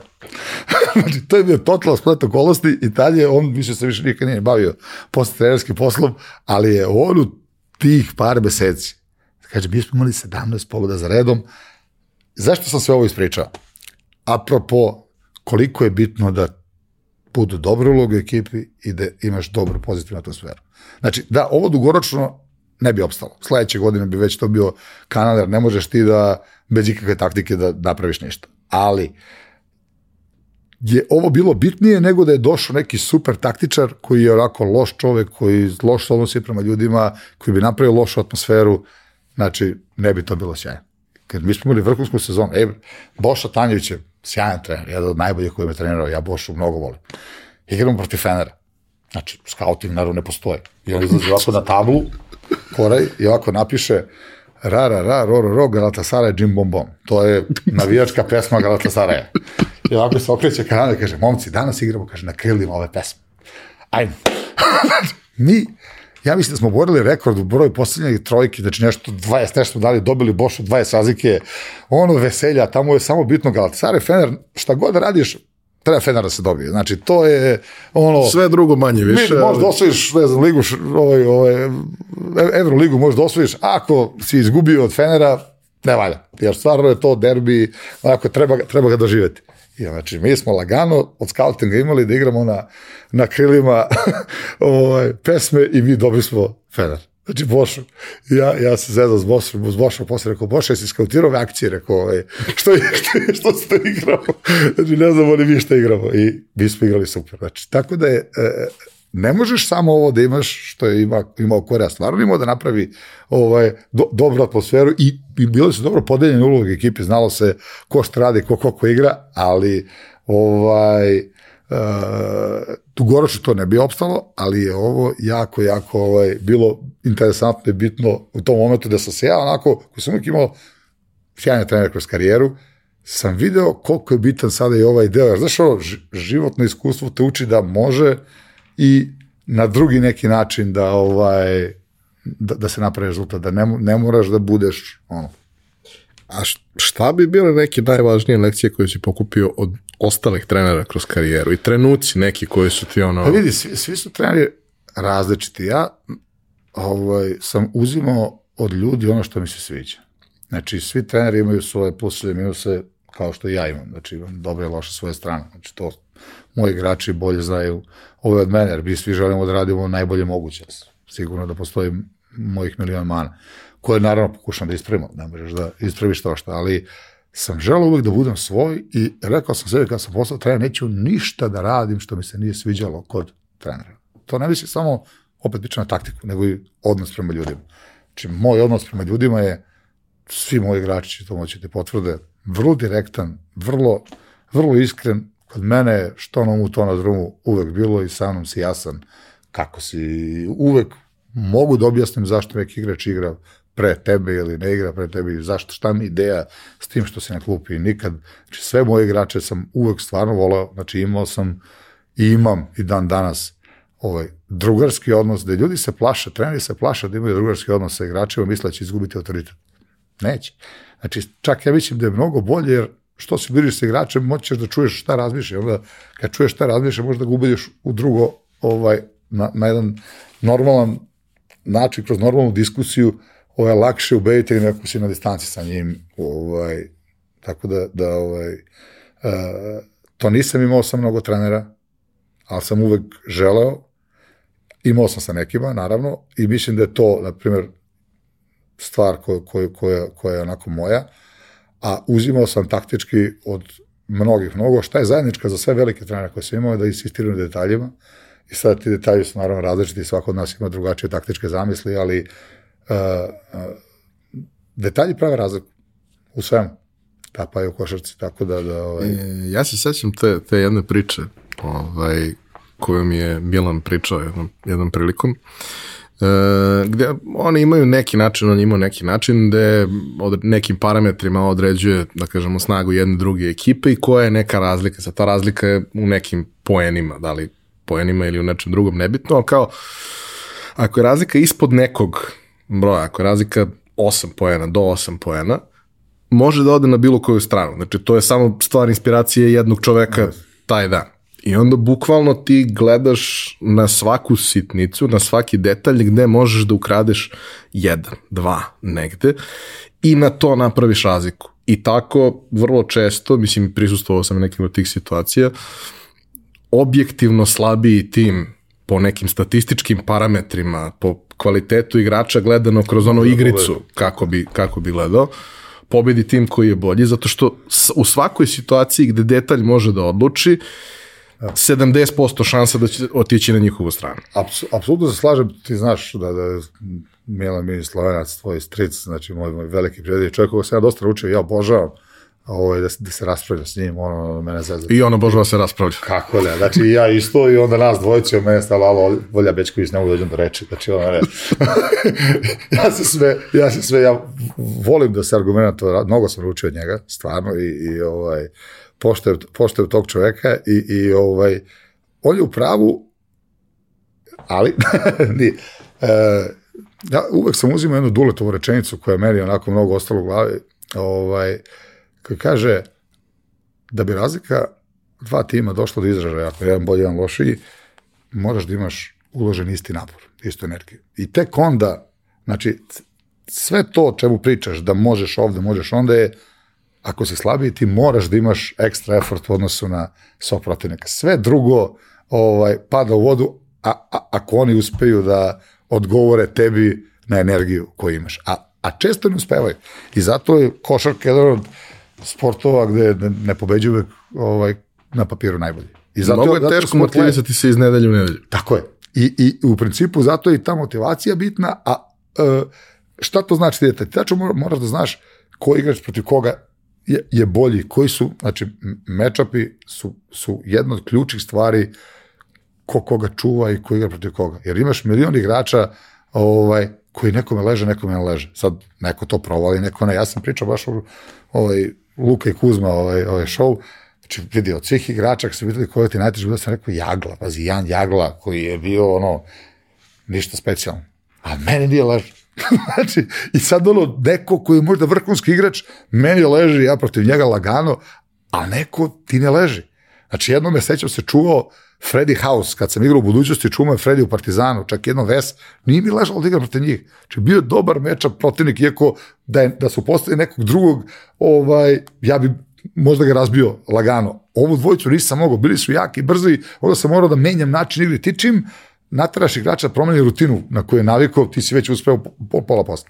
I, i, I to su ti detalji o kojima ti je Sloki pričao, ovaj, ko šta, kako, s kim, protiv koga, E to, tu su uzmeš malo ovde, malo onda, razbiješ mu, razbiješ mu neko, ne, neke navike, neku rutinu koju ima i ovaj, Ma, mislim, ono, A, vidi, za, za, za, nas, uh, ono, baš uh, amatere i sve. Z, zato sam pokušao da, da, da, da malo približim šta su ti detalje. Sve ljudi kao, znaš, ono, ti sam možeš generalno, generalno pričaš detalje. Kažem, dao sam par primjera, ima milion drugih primjera tak, da li nekoga teraš u levo, da li ga teraš u desno, da li ga teraš na prodor uopšte ako je neko dobar šuter. Znači, 300 nekih stvari postoji i to su ti detalji oko, oko kojima... Ja kažem, ono, bukvalno, kao je, nikad nisam igrao ozbiljno, igrao sam što volim i sve.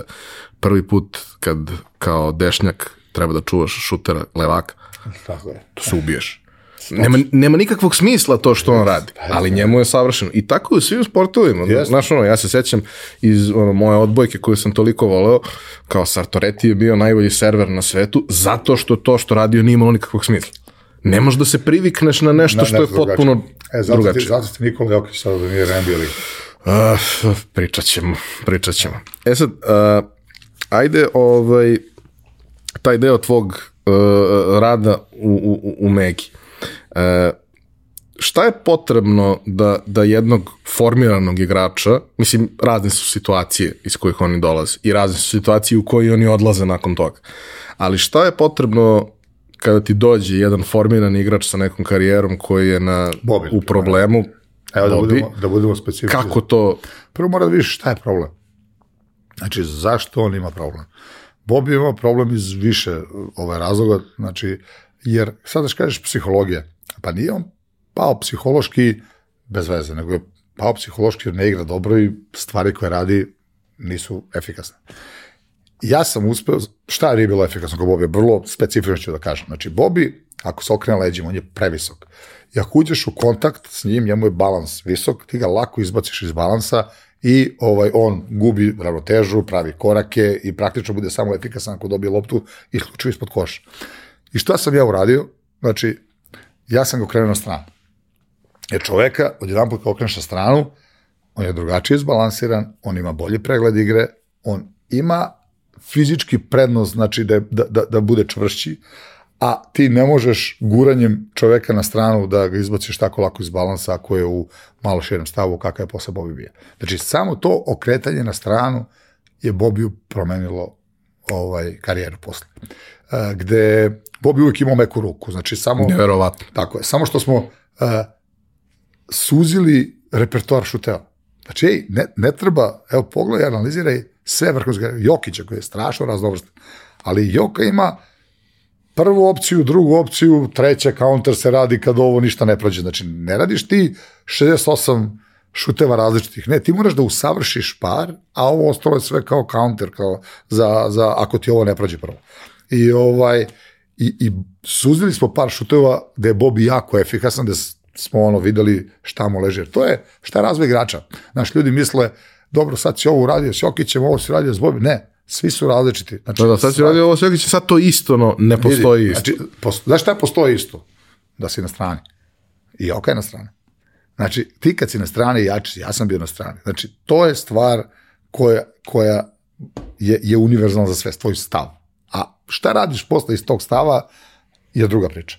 Znači, da Joka radi jedno, ovaj radi drugo, ovaj radi treće, odnosno to ovaj, šta su i kako su. I sad, na primjer, pogledaš centre s kojima se radi, opet mogu krenemo i sa ovaj, uh, ostalim igračima, ali centri su uvatim zato što su uh, lakše ih je porediti jer su ista pozicija. Sad uvatiš, na primjer, Bobija, uvatiš Joku, Ivicu Supca i Gogu Bitadze. Znači, četiri centra koja su ovaj, u, u, u NBA ligi. Ne postoji presek skupa. Tako. Znači, a imao sam pristup sa njima, e, ponudiš im razne stvari, znači, šta je unikatno za sve?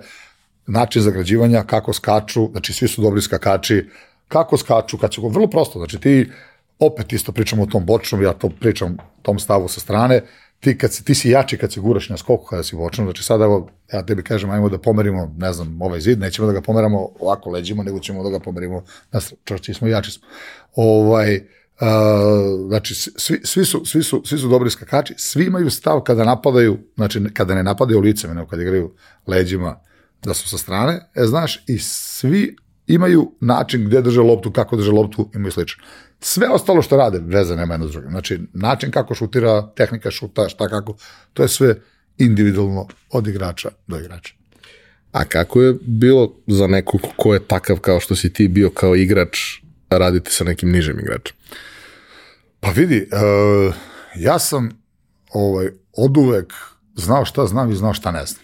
Momenta kada sam postao trener, znaš, rekao sam da sam radio sa igračima pre toga, kada sam postao trener, sad imali smo neke talentovane klince, uh, ono, Vasanić, Izdangubić, Krstić, ta ekipa, ja sam rekao Miško ovako, ko vidi, nisam nikad radio sa, sa, sa ovaj, bekovima, sa krilima, da se ja ne bi sad učio na njima daj da dovedemo nekoga ko već to sada zna, pa ću ja da se naučim od njih, pa ću onda naravno i sam kroz svoje iskustvo da dodam još to šta. I Miško kaže, važi, šta si mislio? Ja kažem, Džile, rekao, Džile tom trenutku bio bez posla, ajde, rekao da, da ga zamolim, Džile ja smo prijatelji, znači, ovaj, on, i ja mu kažem, rekao, zamolit ću ja Džileta da mi pomogne, a Trifa je bio sad ovaj i, i, i Miško su ovaj bili ovaj ono najbolji prijatelji i, i Miško je zamolio Trifu. I znaš koliko je meni bilo lepo da vidim sada dva vrhunska trenera Trifu i ovoga Džileta ujutru, znači koji rade sa, jedan dan rade Trifa, jedan dan Džile i rade totalno drugačije.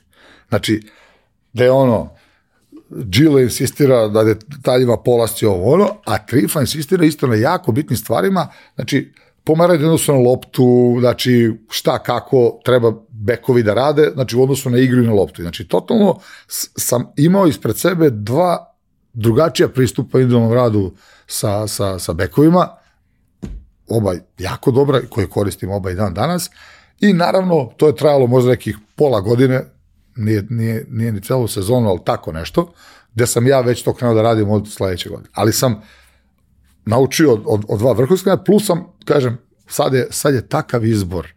Uh, ti na YouTube imaš hiljada seminara. Hiljada. Ja, sam, ja sam imao dugo praksu, a sad sam je smanjio, ali i dalje to radim. Ujutru skuvam čaj, onako ustanem rano, šest, pola, sedam, možda, i možda i ranije, i, i pustim neko predavanje. I to onako ujutro oslušam i to mi je bilo, tada kad sam postao trener, to je bilo svakodnevno, a sada je jednom nedeljno. A, I dalje volim da čujem neko, i onda daš, sklopiš neku svoju sliku, vidiš od toga što oni su radili, šta radi, šta ne radi, šta onda dodaš nešto svoje i sada ja radim podjednako sa, svejedno je da li je playmaker ili, ili, ili centar. Apsolutno mi nije bilo bitno. Ali nisam želeo, nisam imao sujetu, nisam imao problem da kažem da nešto ne znam i da kažem, jer ja sam želeo najbolji uvijek igračima i sada da ja nisam da, da se ja samo želeo sebe da zaštitim, ja sam u to drugo važi, ja bi radio nešto tamo petljao bi ja. Snašao bi se ja. Znači, opet bi gledao neka predavanja, nešto, setio bi se šta se nešto, ali to nije to. Ta deca bi možda izgubila šest meseci kvalitetnog rada koju su imala sa Gilletom i sa Trifom u tom momentu, i, ovaj, a ja sam imao iz prve ruke da s njima pitam šta ovo, šta ono, da li si mogo ovo, da li si mogo ono, znači da vidim zašto to rade. Da ja sam onako vrlo ljubopitljiv, ja nemam problem nikada pitam ovaj, zašto neko nešto radi, jer volim da znam razlog ovaj, zašto se nešto radi. I tako da je, je ovaj, sada situaciju da mi je svejedno s kim radim, a ovaj, sa centrima sam bliži zašto je to moja pozicija bila. Ali to ne znači da, da ovaj, sa bekovima ne mogu isto kvalitetno da radim. E, taj moment gde imaš ulogu u klubu e, čiji cilj je da bude najbolje moguće za te igrače, gde nužno nije cilj osvajanje bilo čega. Naravno, niko neće se ljuti ako, ako se nešto osvoji, ali nije prioritet da ti igrača potrošiš, dovedeš ga do povrede zato što ti je potreban 40 minuta da bi ti ostvario neku pobedu ili osvojio nešto. To opet nije nešto što je ovde, da kažemo, uobičajeno. Vidi, to je to što si ti rekao, to je mantra. Znači, koja se ovde priča, kao, e, nije cilj da se osvoji. Jeste cilj da se osvoji. Ali, ali imaš kvalitet i da osvojiš kad igraš sa decom 20 godina? Nemaš. Znači, mi želimo da osvojimo. I mi smo uvijek igrali za stepenicu više odnosno na naš realni kvalitet. Jer ja sam uvek imao tu ludačku neku energiju da, da ja ne priznajem nikom da je bolji dok me ne pobedi. I ja sam to uvek pokušavao da prenesem na igrača. I, znaš, kad kažu, e, pa kao vi ne jurite da osvojite, ne, da mi jurimo. Međutim, mi u tom trenutku imamo devet igrača od 18 godina i imamo jednog Ratka Vardu i ova, ili ne, posle ne znam koga i onda sad treba da pobedimo Zvezdu i Partizan koji su uvijek imali četiri pet stranaca evroligaškog kvaliteta, često ljudi iz NBA i onda kao, jel te mi ne osvojimo? Pa, ali smo uspeli da osvojimo kup.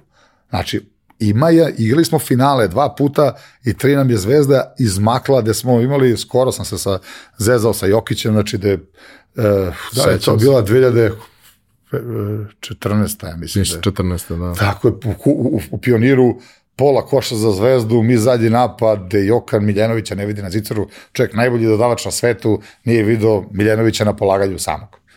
I Ali, znači, mi smo uspeli da budemo konkurentni i da igramo par puta finale sa klincima. Znači, ti si u tom trenutku imao Ratka Vardu i svu decu. Znači, Joka je u tom trenutku, de, de, znači, 2014-19 godina. I, znaš, i zato meni uvek nerviralo to kad ti kažu, a, znači, vi, vi, vi ga osvojite. Ne, mi želimo da osvojimo. Znači, što, što ne kaže neko za Bora Čačak da ne želi da osvoji? Evo, pitam te. Jel, jel ne želi? Jel, jel osvojio Bora Čačak nešto? Uzimam namerno Bora Čačak jer to je grad košarke sa... Pa Čačak nikad nije uzu kup. Nikad nije uzu ništa. Što niko ne govori za Borac iz Čačka da, ne, da nije da ne zanima ih i ne žele da osvoje? Evo, pitam te. Zato mene, naš, nervira ta priča o Megi kako, jel te, Megu, Mega ne želi da osvoji, Mega želi da osvoji, samo nekad imaš čim, nekad nemaš čim. 2015.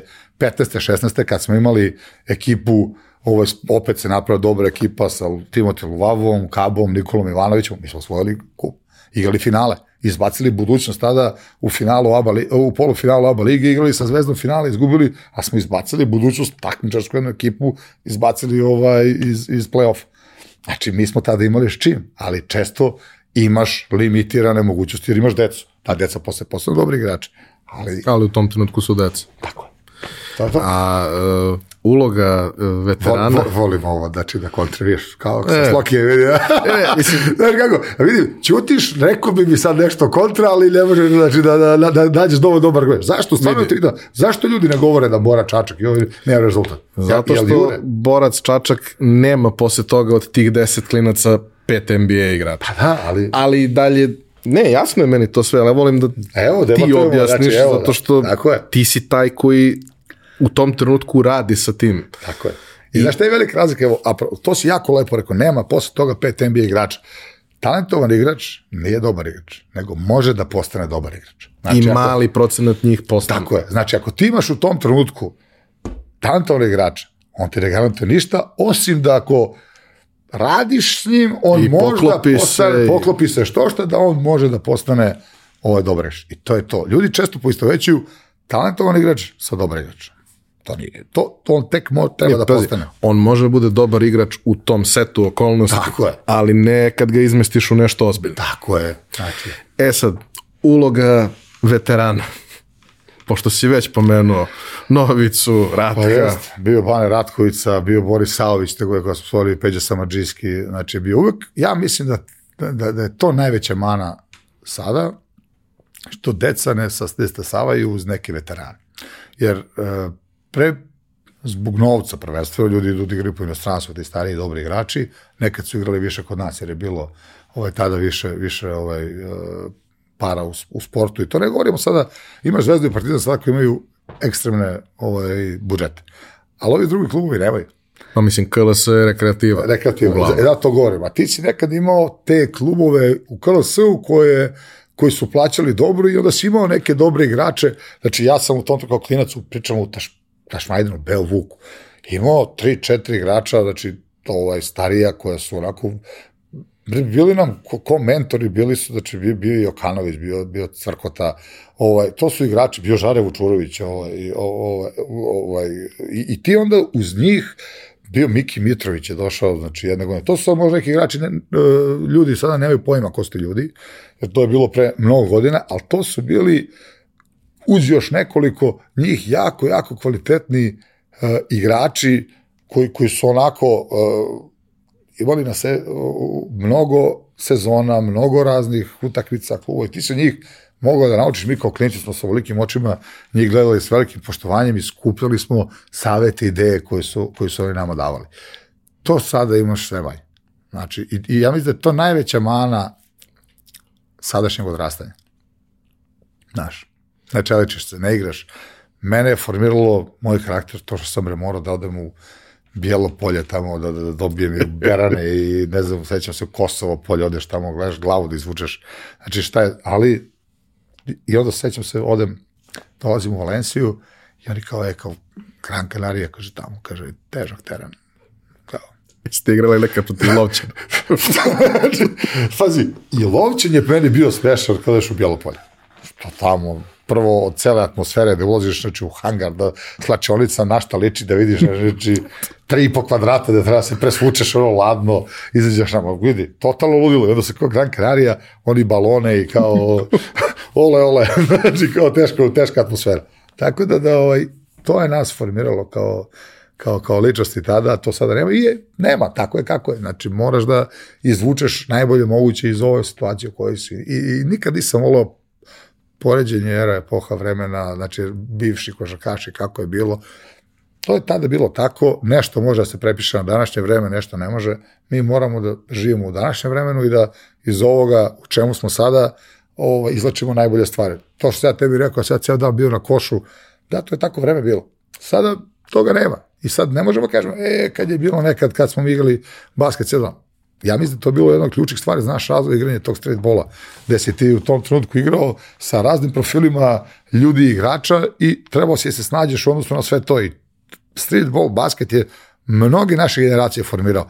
Sada ga ima manje, ali dobro, sada se prilagodimo, jer isti su uslovi za sve. Nekad se taj streetball igrao svugde, sad se ne igra nigde, igra se ono, redko, možeš nađeš neke klince ko, koji ga igraju, ali nije bilo to kao nekada, ti odeš na Adu, svi tereni su bili puni, znači, to je bilo, turniri su bili tamo. To, to pa sad. mislim, u našem kraju, na terenu, kad izgubiš, ideš kući, Ideš zato kući, što tako je, to je nećeš bilo- da stojiš tri to je sata bilo da čekaš. nekad i ti si na taj način razvirao, razvio neki pobednički duh, da želiš da pobediš da bi igrao. Mislim, vrlo, vrlo prosto. I onda ako ne pobediš, ne igraš. I onda čekaj, bolje mi da, da igram. Ne, ali, ali toga nema. baš ono, par godina unazad, ovaj, kad sam kao nešto krenuo ponovo da igram, x puta mi se dešavalo da sad kao imam kola, pa sedem u kola, lopta da. i sve, i obiđem 10 terena i nema nikog. Nema nikog. A renovirani su, znaš kao, tereni su novi, sve super. Izađeš ti u nekom trenutku pa šutiraš, jer je lepo novo. Deca imaju veći izbor. Znači, igraju igrice, ja nisam protiv igrice, odmah ti kaže, ja lično igram igrice. Apsolutno volim igrice, ali uh, lepše mi je da igram basket napolju sa društvom. Ali ako nije drugoj deci lepše, je bi lepše da se takmiče u igricama, pa nek se takmiče, tako je vreme došlo. Nemam ja ovaj, tu, tu problem sa tim. Samo što mi tada nismo imali drugi izbor. Šta smo mi mogli da radimo tada? kući dva kanala, treći se pojavio ono tamo, ne znam ni koje više godine, ti, ti nisi imao, ti izađeš napolje, znaš kada moje deca sad ono, ni ne kapiraju, dobro, nismo imali mobilne telefone, a nekako smo se uvek nalazili. Ti, nije bio problem. Izađeš, nađeš nekog. Znalo se gde si. Tako je. A i mislim ono, znaš, kao, kao, ovaj, x puta smo igrali i da nemamo loptu za košarku, nego šta čim imaš Čim igraš. igraš, I tako. to je, to je sve Znači, okej. Ja sad zaboravim telefon mobilni kući, pa ko da mi noga fali. ne, nema, ali tako je vreme i uopšte ne želim da se vrati ono vreme, jer verovatno su i naši roditelji mislili da je njihovo vreme bilo bolje za ra- odrastanje nego naše. Znači, oni nisu imali ni ta dva kanala, imali su nula. E, kao neko ko je bio prisutan od samog početka i prati to svo ovo vreme. Objasni mi Nikolu Jokića.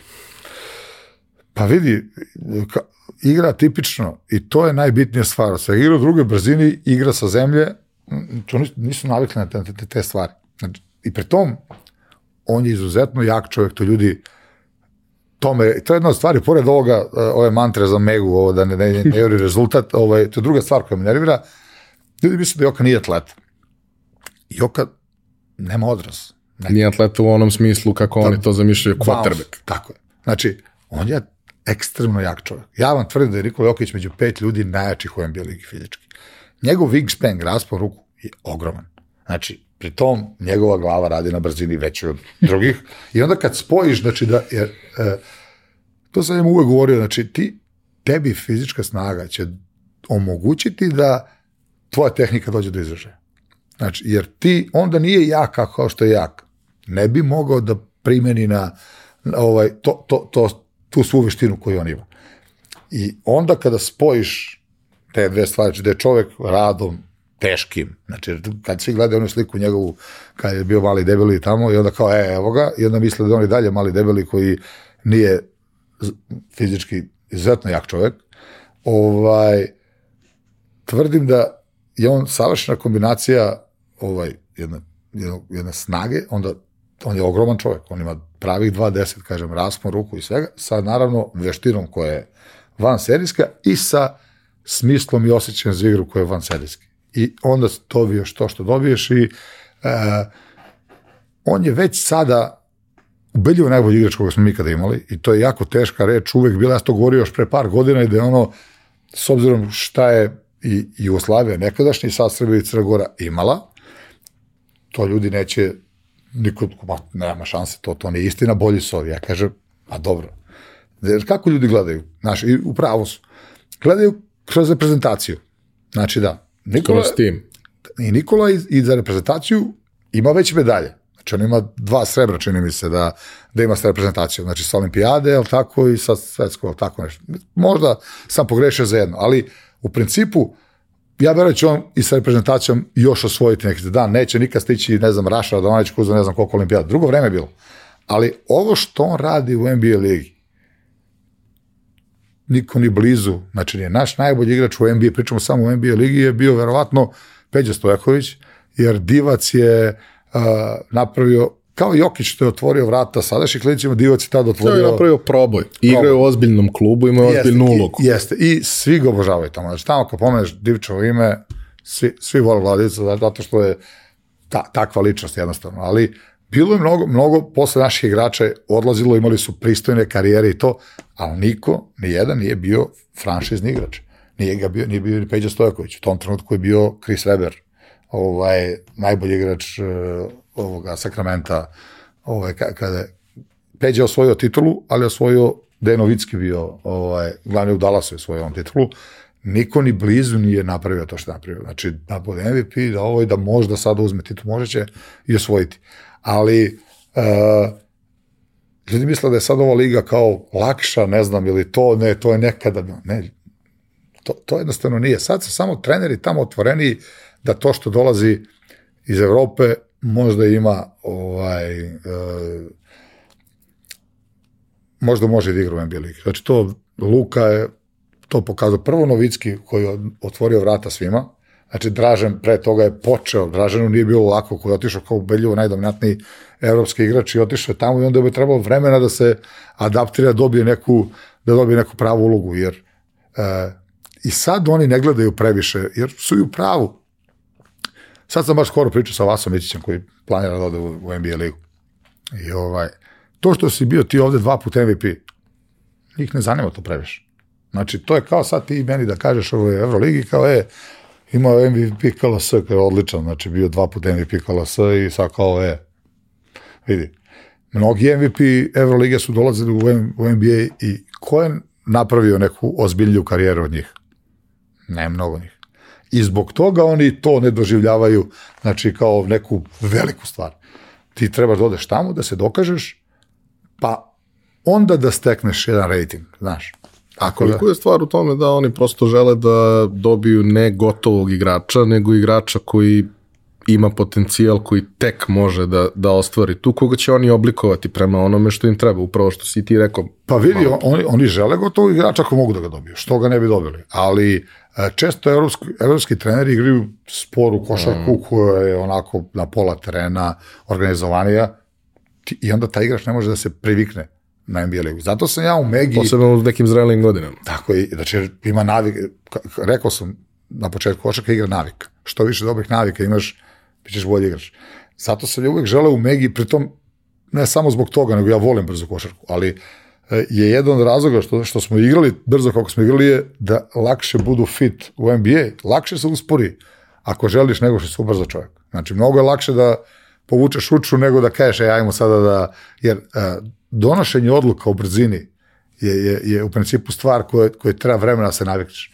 A kad igraš malo sporije, malo, organizovanije, onda ovaj, i, i te odluke se, se lakše donose. Pa i one banalne stvari od kontrola lopte pa nadalje. Kada Sve. treba da radiš brže, mnogo su veće šanse za grešku Za ako grešku. nisi navikao na to. Tako je, tako je i sve to.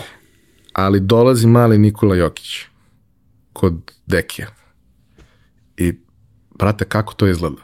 Pa izgleda prvo da posle prvog treninga kaže me vidi ovo je mali talentovan, on ne može da mrdne, ajde da ga sklonimo sa strane, Marko Ćosić je da bio kondicioni trener, čujemo se naravno sa Miškom i dogovorimo se da on mesec dana sa strane trenira da postane sposoban da trenira profesionalno. Sa, sa, tom, to su klinci, nije, imali smo u tom trenutku Bobija Ćaku i, i, i ovaj da li je Novica počeo ili nije, u tom trenutku ne mogu da se setim. Mislim da je malo kasnije Novica Da, da, a- kako ga je nervirao. Da, da ali, ali, ali znači ti imaš dete koje vidiš da fizički on je trenirao samo sa juniorima Vojvodine, ja mislim jednom dnevno i to, znači juniorski treninzi.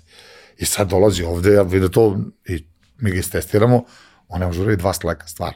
Mislim, slek nije sad neka vežba koja je ključnog značaja. Nije mogo ni divac da vodi dva sleka, to znam pokojni Pera Zimonjić mi je pričao, to se uvek seća, kaže, angažovao me divac, sad da li istina, da li je pokojni Pera priča, ja mu verujem, ja obožavao sam pokojnog Pera. Ovaj, kaže, dolazi divac i traži mi ovaj, kao da radimo kao s njim, da radim s njim tokom leta i kaže, Pera, ja napravim program, radi sve ovo. I sad pre nego što krećemo u ovaj, da izvršamo program, uradim testiranje. Kad divac, prvi, drugi, treći slek, znači nije mogo pet da uradi. Kaže Pera, ja onaj papir, iscepam ja iz početka, pošto je došlo totalno nespravo. Tako da nije ta dva skleka krucijalnog značaja, ali stvarno nije naviko na ozbiljan rad. U tom Fizički trenutku. naporan. Tako, fizički naporan. I ovaj, mi smo, ovaj, mesec dana je on radio sa strane, spremio se, znači naravno Miško je to podržao, jer stvarno, je, kažem, imali smo uvek podršku, ovaj, sad znam ti kažeš, ovaj, e, upravi je, vidi, ovaj što si mi doveo, on mora mesec dana sa strane da ne igra, znaš, i, i ali naravno, uvek smo imali dobru saradnju, bila podrška i momenta kada se vratio, ja sam odmah pustio da igra, ja sam uh, vi- video, uh, video sam u njemu pred Znači, vidiš da je talentovan dete, to, to kogod je bio na treningu, on je mogo to da ti kaže, da on kupi stvari brzo, čita igru dobro, odmah smo mu našli prostor da i u toj jako dobroj ekipi sa 17 godina ima neku ulogu minutažu. On je počinjao te godine, prve počeo petorku u protiv Zvezde u fina, polufinalu play-offa je nama on počeo, i to smo Zvezdu dobili Znači, igrali smo 1-1, pa smo treću izgubili, pa je Zvezda ušla u finale s Partizanom. Ovaj, mi smo uspeli da dobijemo tada Zvezdu ovaj, jednu. I, I ja sam uvijek bio za to da se guraju klinci ako, ako imaju smisla i jednog možeš da guraš. Ne možeš šest da forsiraš, ali ako, ako imaš nekoga koji je ekstremno talentovan, kao što Nikola jeste, evo, pričate je Novica, to mi je bila super fora da ja pokazivao sam sad neke stvari, ja Nikoli pokažem je basketašku jednu foru, da je onako probaciš kroz noge i ovaj i ja im dam jedan na jedan i to je razlika Nikole i ostalih. Mnogi igrači mogu da pokupe stvari, ali dok to implementiraju u igru, treba mnogo vremena da prođe. A on to, znači za trening, ja mu pokažem, u, kaže, ovo dobra fora, i oni novice, jedan na jedan, i on novice, probaci kroz noge, i da, i ovaj krenuo da ga juri po, sali, ja počeo se smeje, znaš, ali sad zamisli da dete, i to ti govori, pazi, novice u tom trenutku igračina, znači koji je spletom okolnosti povreda došao iz Real Madrida. Znači imamo čoveka koji je igrao u Real Madridu, povredio se, imao je tešku povredu kolena i došao je kod nas da se oporavi da je ode dalje, otišao dalje posle u Bamberg. Ovaj, I on je I zato je on to što je danas. Znači sad da li igra on protiv Lebrona ili on nema, uh, nije impresioniran protivnikom. Znači nego nadigrava se sa svakim i, i, i to treba, poštuješ ljude van terena, na terenu ih poštuješ, ali nema ono over respect, nego ej, dokaži da se bolji. I to je mnogo bitna stavka. A sad, pošto je košarka, je li, timski sport, imaš taj moment da imaš nekog ko je van svih standarda, ko treba da se uklopi u ekipu i ostali treba da razumeju šta on radi. Ali individualac, velika razlika kad ti imaš timskog igrača koji je van standarda. On, on njemu je draže, ali to nije da neko drugi da koš na njega, njemu je draže asistencija nego koš. I to je lako uklopiti. Ali treba razumeti. Pa dobro, slažem se, ali baš zato služi trener i, i, i ovaj, ti prvo treba postaviš igru da njegovo znanje dođe do izražaja. Znači, mi lako možemo da pokvarimo. znači, nekad je veća mudrost ne pokvariti nego, nego, ovaj, nego popraviti. I ovaj, puno, puno priče, puno analize, puno videa, puno svega. Mi smo imali u trenutku kada je on otišao, mi smo manje više svake godine, svake druge godine imali nekog u drugoj rundi drafta ko je draftovan. Većina tih igrača nikada nisu otišli u NBA. Yes. Bilo je i onih koji su draftovani kao mlađi, bilo je onih koji su draftovani u nekim zrelijim godinama, ali većina nikad nije otišla. Da li ti misliš, sada sa ove distance prošlo je dovoljno sezone i svega, da je najbolja stvar koja je mogla da se desi da ode u Denver? Pa vidi, da li samo u Denver ili ne, ne znam. O, ispostavilo se da jeste, naravno, da je najlakše postao franšizni igrač, ali trebalo je i njima vremena da shvate koja je pozicija, da je pet. Ja sam se, znači, jezik sam polomio od priče zašto je petica i da je petica, da su oni meni govorili, a to nije atleta, ne može on ne pet, ali I onda čak je, Denver je pokušao da ga na četiri gura u paru sa Jusufom Urkićem, pa su videli da to ne ide. I, i onda, znači sada ajde da ne objašnjam razlog, već sam objašnjavao zašto je pet, a ne četiri. I onda su i oni videli ovaj, da je bolji na pet i onda su Nurkića tradovali, njemu otvorili vrata i onda on igra što igra. Bolje otići u, u a, manju sredinu da se lakše dokažeš. Znači, oni dan danas ima problem što je Denver marketinški nije, bog zna kako ovaj, bitan tim. Najneinteresantniji u ligi. Jeste, ali igraju toliko lepo da, da ovaj, dobija kredit koji je zaslužen, a evo ja kažem šta mene nervira strašno, e, naši ovde novinari, izvuku neku izjavu od jednog od deset koji kaže nešto loše o Jokiću i ovde se kreira slika kao da on tamo nije dovoljno poštovan. Ja vam tvrdim, znači kao čovjek koji je tamo, da njega svi izuzetno poštuju, da ga igrači obožavaju, pričam bar evo iz iskustva moje iz Warriors, sad znam i dosta igrača iz oko lige, znači i svi o njemu misle sve najbolje i da je zasluženo sve ovo što mu se dešava. Tako da, poruka novinara ne kreirajte lažnu sliku o Nikoli i ignorišite, jer postoje mnogi put ljudi koji će kažu nešto loše da je bili u centru pažnje, da jednostavno skrenu pažnju na sebe i da ovaj onda će namerno na devet dobrih komentara o Nikoli neko da kaže nešto, nešto loše da bi jednostavno mi pričali o njemu i on bio u centru pažnje. A naši novinari, mene, ja, ja nisam dao izjavu za novine, ne pamtim, dao sam znači, posao, od, od budućnosti. Znači, kada sam otišao, nisam Ili da ti je to bio posao? Ne, bio sam i, i, i do budućnosti, bio mi je posao, ali, ali ovaj, sam se uglavnom javljao novinar.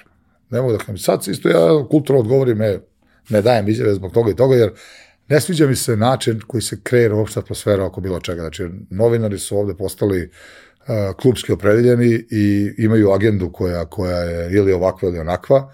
I ne želim uopšte učestvovati u tome, ne mora. Tako da sam, da sam ovaj, ono, u poslednje dve godine dao sam jedan intervju i to za, za od čerka od prijatelja, znači zamolio me u redu, hoću da učinim, inače ovako, kažem, zbog toga, toga i toga, ovaj, ne dajem način, jer toliko, toliko je laži bilo, znaš, ono, u ovom sportu i o našem ovde ludom Balkanu, znači, lako je zavad, zavaditi ljude, znaš, i tada kada smo igrali to finale sa Zvezdom, igrači između sebe su bili super i Dejo i ja smo prijatelji, nema jednog incidenta.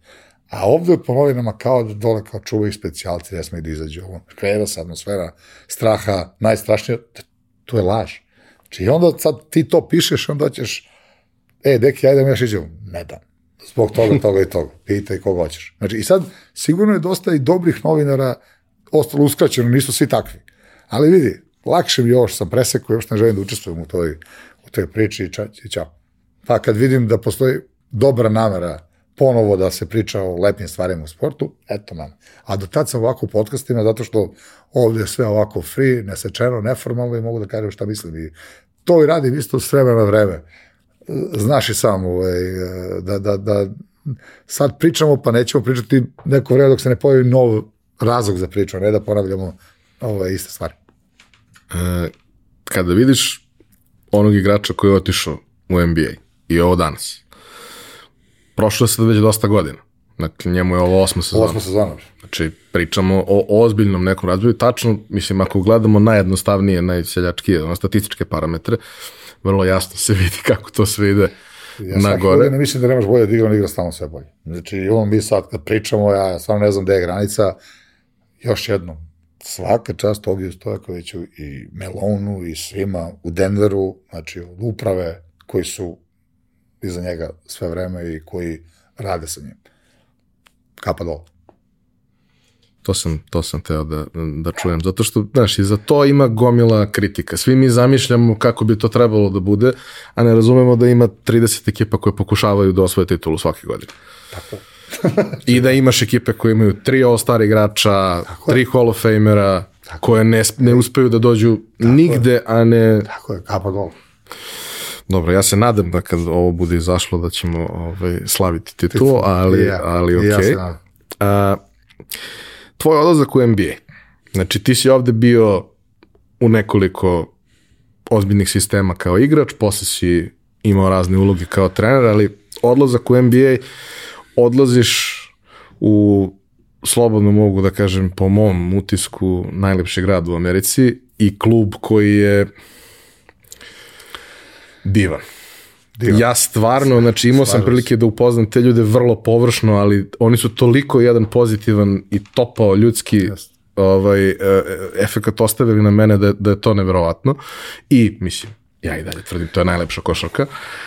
Kako to sve izgleda? Ti dolaziš tamo, ok. Mora budeš, znači, bez laže skromnosti. Ti, ti moraš da znaš nešto što njima treba. Znači, nisu oni doveli Deke Milovića tamo. Da što dobar dečko. Što dobar dečko, znači, pa eto, ajde kao da ga daš. Ili, ili kao što, verovatno, uh, jedno 70% Srbije misli, znaš, Miško je zvao tamo Stiva i kaže, vidi, imam jednog, on kaže, vaši. Da. Dobar dečko. Dobar, kao samo ga tu gure, znači, to tako ne funkcioniše. Znači,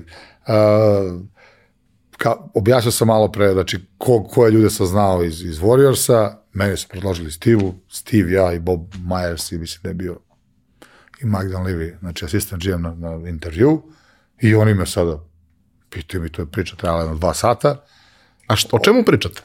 Pa vidi, bukvalno o košarci, pogledam košarku u mom načinu razmišljanja, ulo, ulo, koju bi ja ulogu mogao da imam, da li bi ja mogao da se prebacim jer sam bio glavni trener u životu, nikada nisam bio pomoć. Bio sam pomoć Igoru u reprezentaciji. To je jedini moj kontakt Mada sam Vlade u Kočiću više bio pomoć nego GM, pričao sam to na početku, ali nisam bio pomoć i trener. Sada, da li ja mogu moj ego, moju situaciju, ovaj, da, da prelagodim, da budem asistent. Znači, ja nisam ni znao da li mogu, ja sam verovao da mogu, s obzirom kada sam upoznao Stiva, kada sam vidio kakav je, šta je, da sam ja njemu rekao, ja samo želim da imam pravo da kažem šta mislim, znači pa ne mora da me poslušaš kao glavni trener jednom, ali ja da znam da ja mogu da ti kažem sve šta mislim, da mi kaže pa to, to meni treba. Znači meni ne treba neko ko će da mi klima glavom tamo i govori e, sve super, nego da imamo, da imamo drugo mišljenje. I, i, i ovaj, vrlo smo se brzo našli onako ovaj, košarkaški, da on mene onako pitao šta bi mogli da implementiramo novo, šta, kako, da sam ja tu njemu rekao neke ideje koje su njemu svidale, da onako dosta stvari smo mi ubacili prošle godine koje sam ja predložio, da to je onako, radiš kao jedan tim i ovaj, ti predložiš neko nešto, da tu ideju doda nešto, doda nešto i onako, do, dosta stvari je to bilo, da je onda on mene ispred pored pitao da li i, i radim neki development igrača, ja sam rekao, znači, da, naravno da radim, šta možeš da, da, ovaj, da se uradi, šta, kako, krenem, to intervju dva sata košarkaške priče, da je to bilo kroz upoznavanje jedan drugom, mi se nismo znali, znači, kroz upoznavanje i priča o košarci. I ja sam vidio da sam se ja njemu svidao odma, znači da, da, da je to bilo onako vrlo jednosrdačna priča, da sam ja odmah dobio ponudu nedaleko ovaj, posle tog intervjua. Znači nekad se to čeka dugo, mene su oni bukvalno, ja mislim, možda čak i sutra prekstra ovaj, dali ponudu da, da, i sad je onako meni u tom trenutku, kažem ti, budućnosti, sjajna sezona, svi u klubu prezadovoljni, e, ja sam imao a, trogodišnji ugovor, ali sa opcijom da svak godine mogu da odem U NBA. Da, te, de, de budućnost ko klub Bokan mi je ponudio da novi ugovor. Znači gde je ono bolji ugovor, sam, ja, ja jednostavno nisam smeo i želao da propustim šansu da radim sa Steve Kerom i da treniram Stefa Karija i, i ostalo. Znači to, a to je ispostavilo se opet, to ti je život, isplet okolnosti. Ja sam bio prvi, prvi koji me zvao je Baden Hozer u Miloki.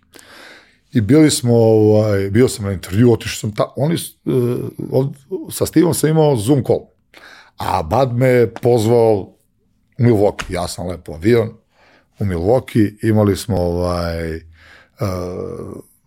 dva dana onako druženja, svega i svačega i to sve. I blizu sam bio posla, gde je u principu on zaposlio jednog drugog ortaka svog s kojim je radio već u San Antoniju, kada je bio i bukvalno mi rekao ono, deki, super oduševljen sam sve, samo ovoga znam šta može, a tebe tek treba da upoznam, jer se još uvek znamo kroz par večera i, i ovaj priče, ali s ovim čekaj me radi, znaš kako ga znaš, kako da. se radio, znaš šta pruža, ja sam ono možda bolji, možda možda gori, ali, ali ne, ne mogu sad da probam. Tako je. E, I bukvalno je to bilo. I, bukvalno dobro.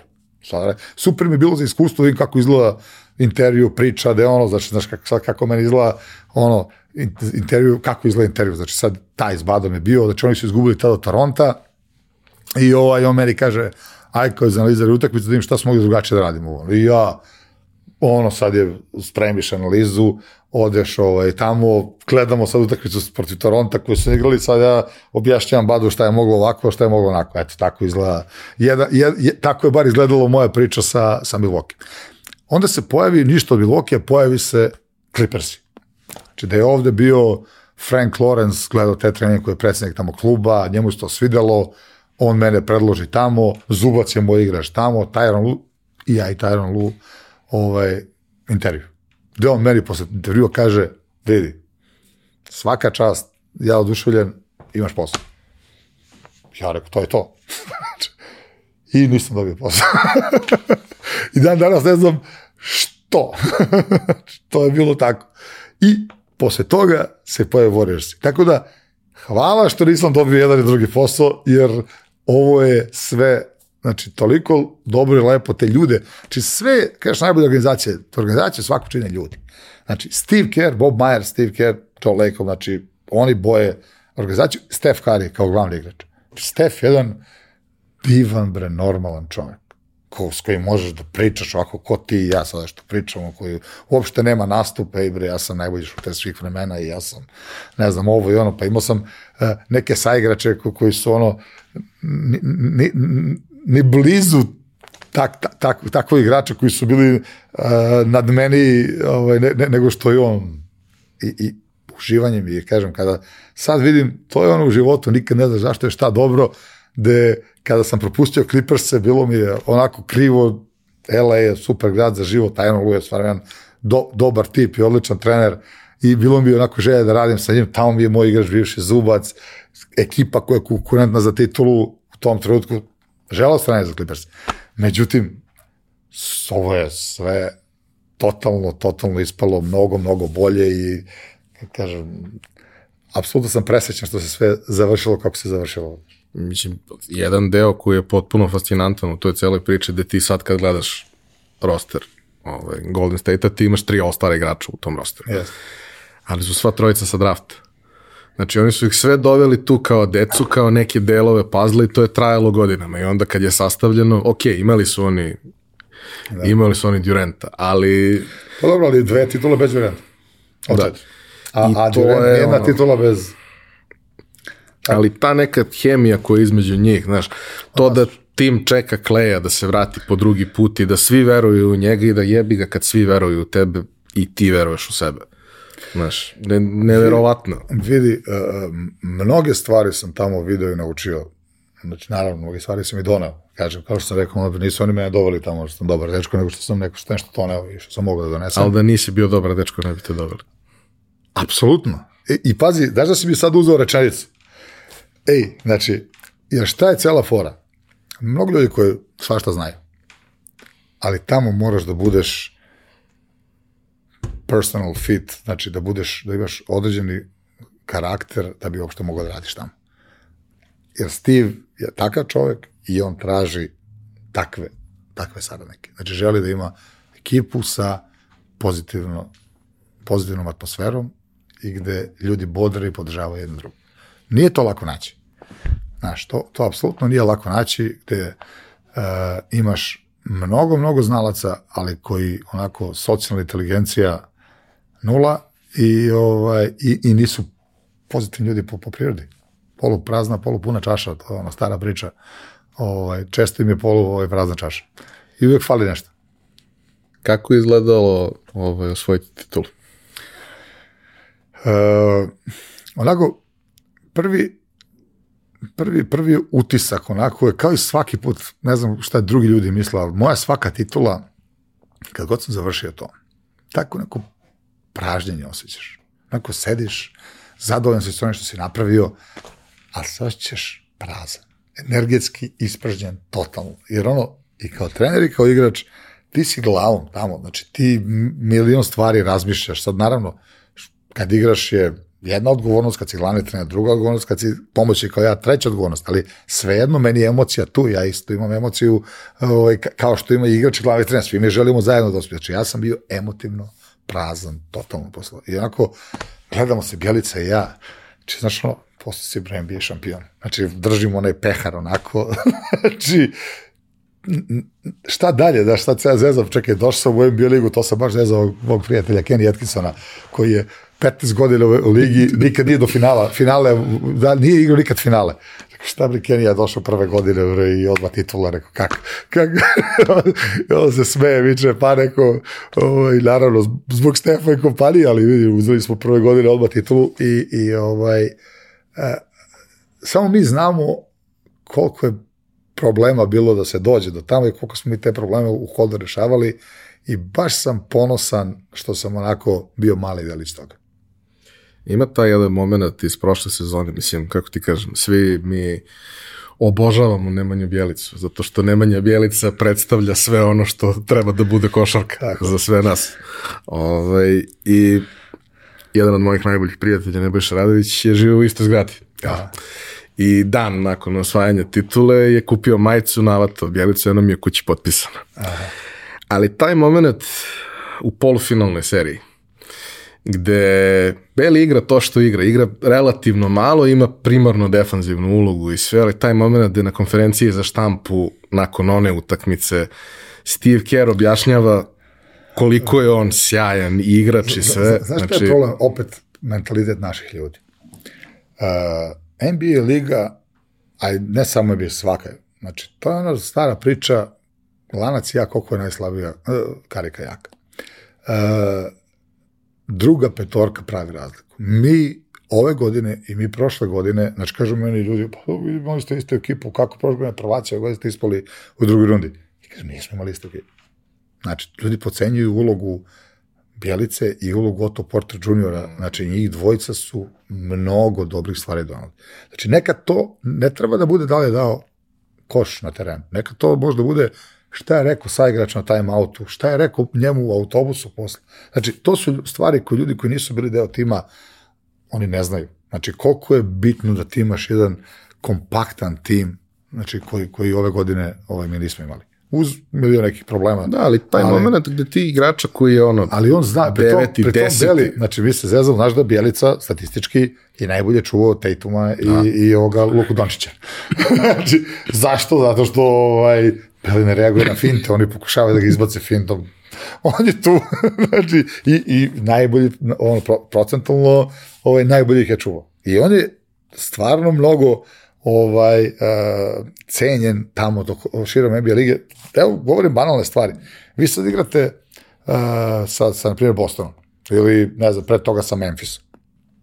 I oni izaberu na koga će da stave bolje defazicije, s koga će više da pomažu. Oni su više puštali Otto Portera da šutira nego Bjelicu. Znači, pri tom, i Otto je sjajan šuter i sjajan igrač, ali bolji defanzivac je bio na Bjelici nego na, na jer oni su se više njega plašali njegovih šutira tri pojena, iako on ovaj, nije puno šutirao, ali bilo je bolje, se nema se ovaj razigra, daj da mi ovaj, čuvamo njega. Tako da, opet, to ono što ne vidi prosječan navijač. Nekad, samim tim što imaš belog na terenu, iako on ne da ništa, on će da napravi dobar spacing i da otvori prostor za druge igrače, da je nešto jer neko neće pomaže sa njega. Profesor profesor. Profesor znaš šta. E, imao sam tu scenu. 2000... kad je njemu kaže, skoro, izvini što te prekidam, prvo Bjelica, moj prijatelj, ja sam ovo njemu rekao. Znaš, kad kažu, a Bijeli mogu je ovdje MVP, mogu da ima bolju karijeru u NBA ligi. A ja kažem, šta znači bolja karijera u NBA? Rekao, ajde sad ovako mi recite ovo, reci mi ti, pratiš NBA ligu. Koliko naših igrača je imalo bolju karijeru od Bjelica u NBA ligi? A zavisi šta gledaš kao parametar. E, pe, tebe pitam, ajde krenimo, koliko je naših igrača imalo bolju karijeru od NBA od Bjelica?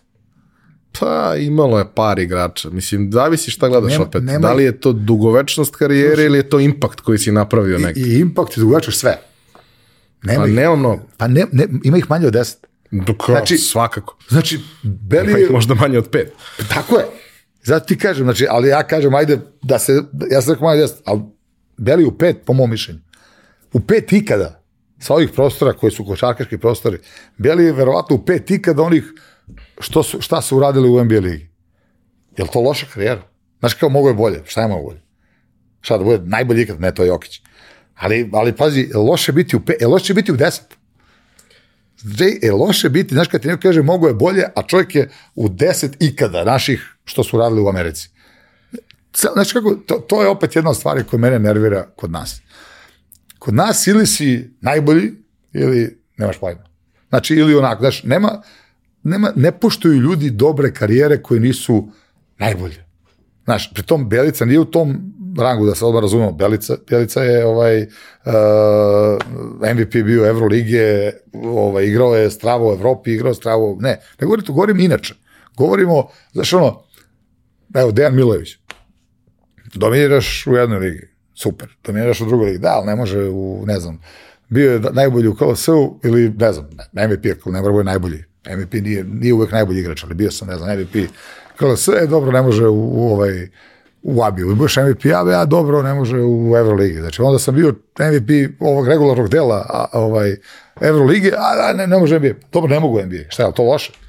Znači, cela je fora što, što ljudi uvek, ej, samo jedan najbolji može biti samo jedan. Ne. Ljudi ne shvataju koliko je teško da ti uopšte napraviš neku značajniju karijeru i da, da, da, da živiš od... Vidi, ja stvarno mislim da ima gomila ljudi koji su samo kreteni. Ali ja njihovo mišljenje uzimam za ozbiljno.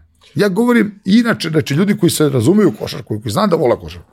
Znaš, kad mi kažu, e, mogu da ima bolju karijeru, ja, znači, pa krenem, čekaj, kako?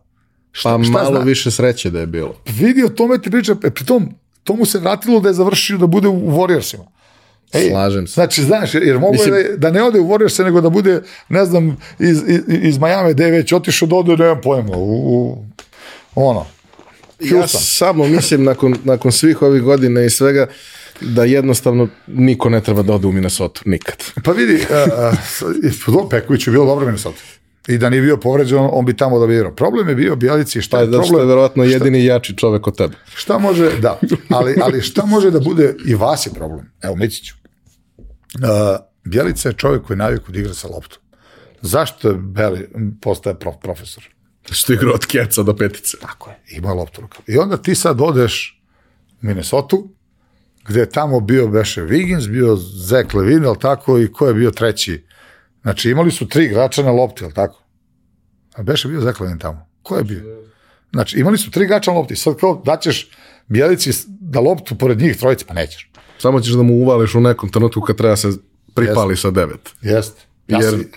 Jest. Na primjer, ja stvarno mislim da, da je to mnogo bitno. Vasa kod u NBA, on treba da nađe klub gde će imati loptu u rukama.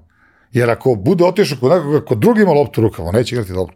Jer nije naviko, mora da promeni no, igru. Ima 40 minuta svojih. Tako, on mora, mora da... Ako nema 40 minuta, a, on je... sad, Bjelica odlazi u Minnesota i jedan put od kreatora koji je čovjek koji je na lopti, on igra streč četvorku koja je čekali da će mu da, da šutne ili neće. Uglavnom neće mu daju.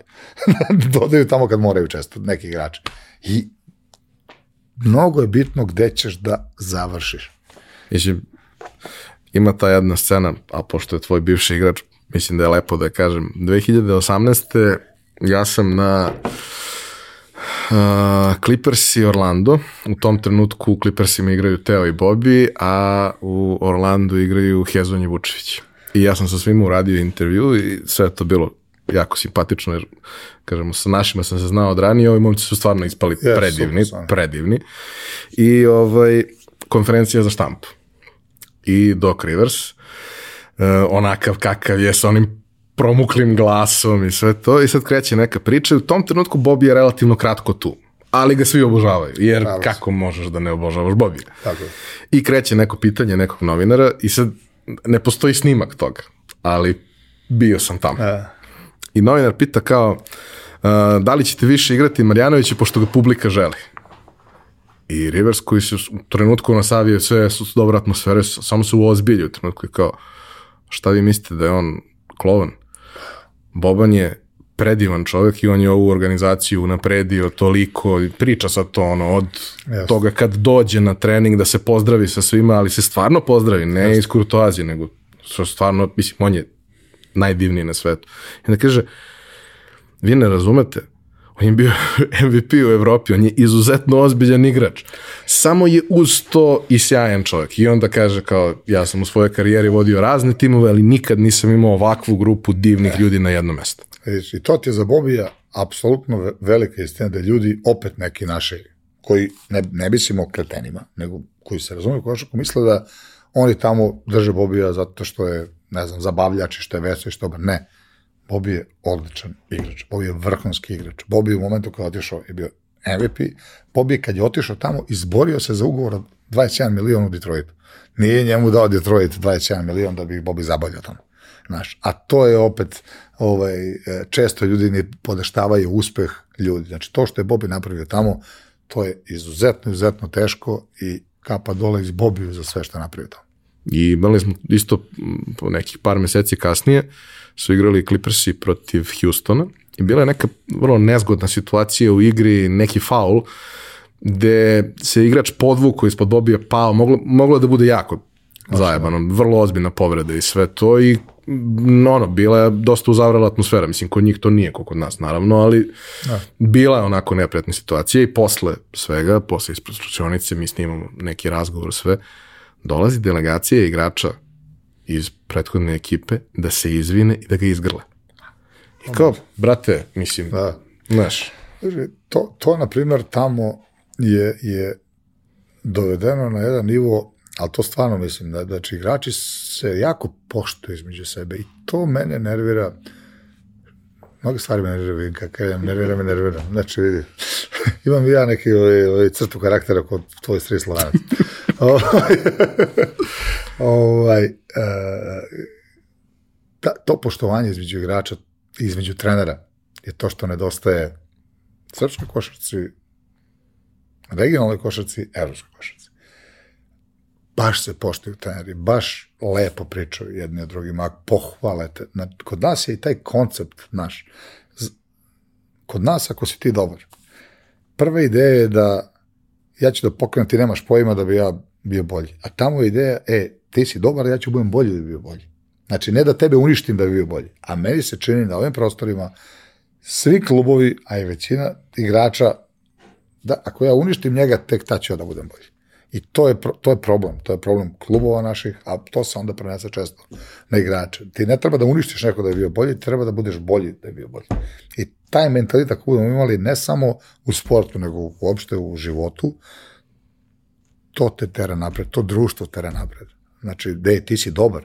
A to ne znači to što si ti dobar, ja ne mogu da budem bolji. ali je možda lakše da ja tebe sapletem, pa mi onda malo manje truda treba da ja budem trenutno bolji. Apsolutno, to nije dugoročno održivo i nećemo biti... Zato dugoročno i bolji. nemamo rezultat. Pa jeste, jeste i stvarno, i zato, ovo i pričam, znači ti moraš da promeniš mentalitet ljudi da poštuju nečiji uspeh, a onda da oni se natraju. Mada, opet pričamo o društvu, mnogi ljudi su ovde došli do nekih pozicija nezasluženo i onda kada nemaš ovaj primere u društvu da si neko ne neko nečim radom zaslužio, a ne ne znam što je ne znam, stranački obojen ili što zna Miku i Žiku i ovo ono. Ovaj, jer nije problem meni da neko dobije šansu nezasluženo, ali problem je ako Ostane, a nije opravdao. ostane pravda.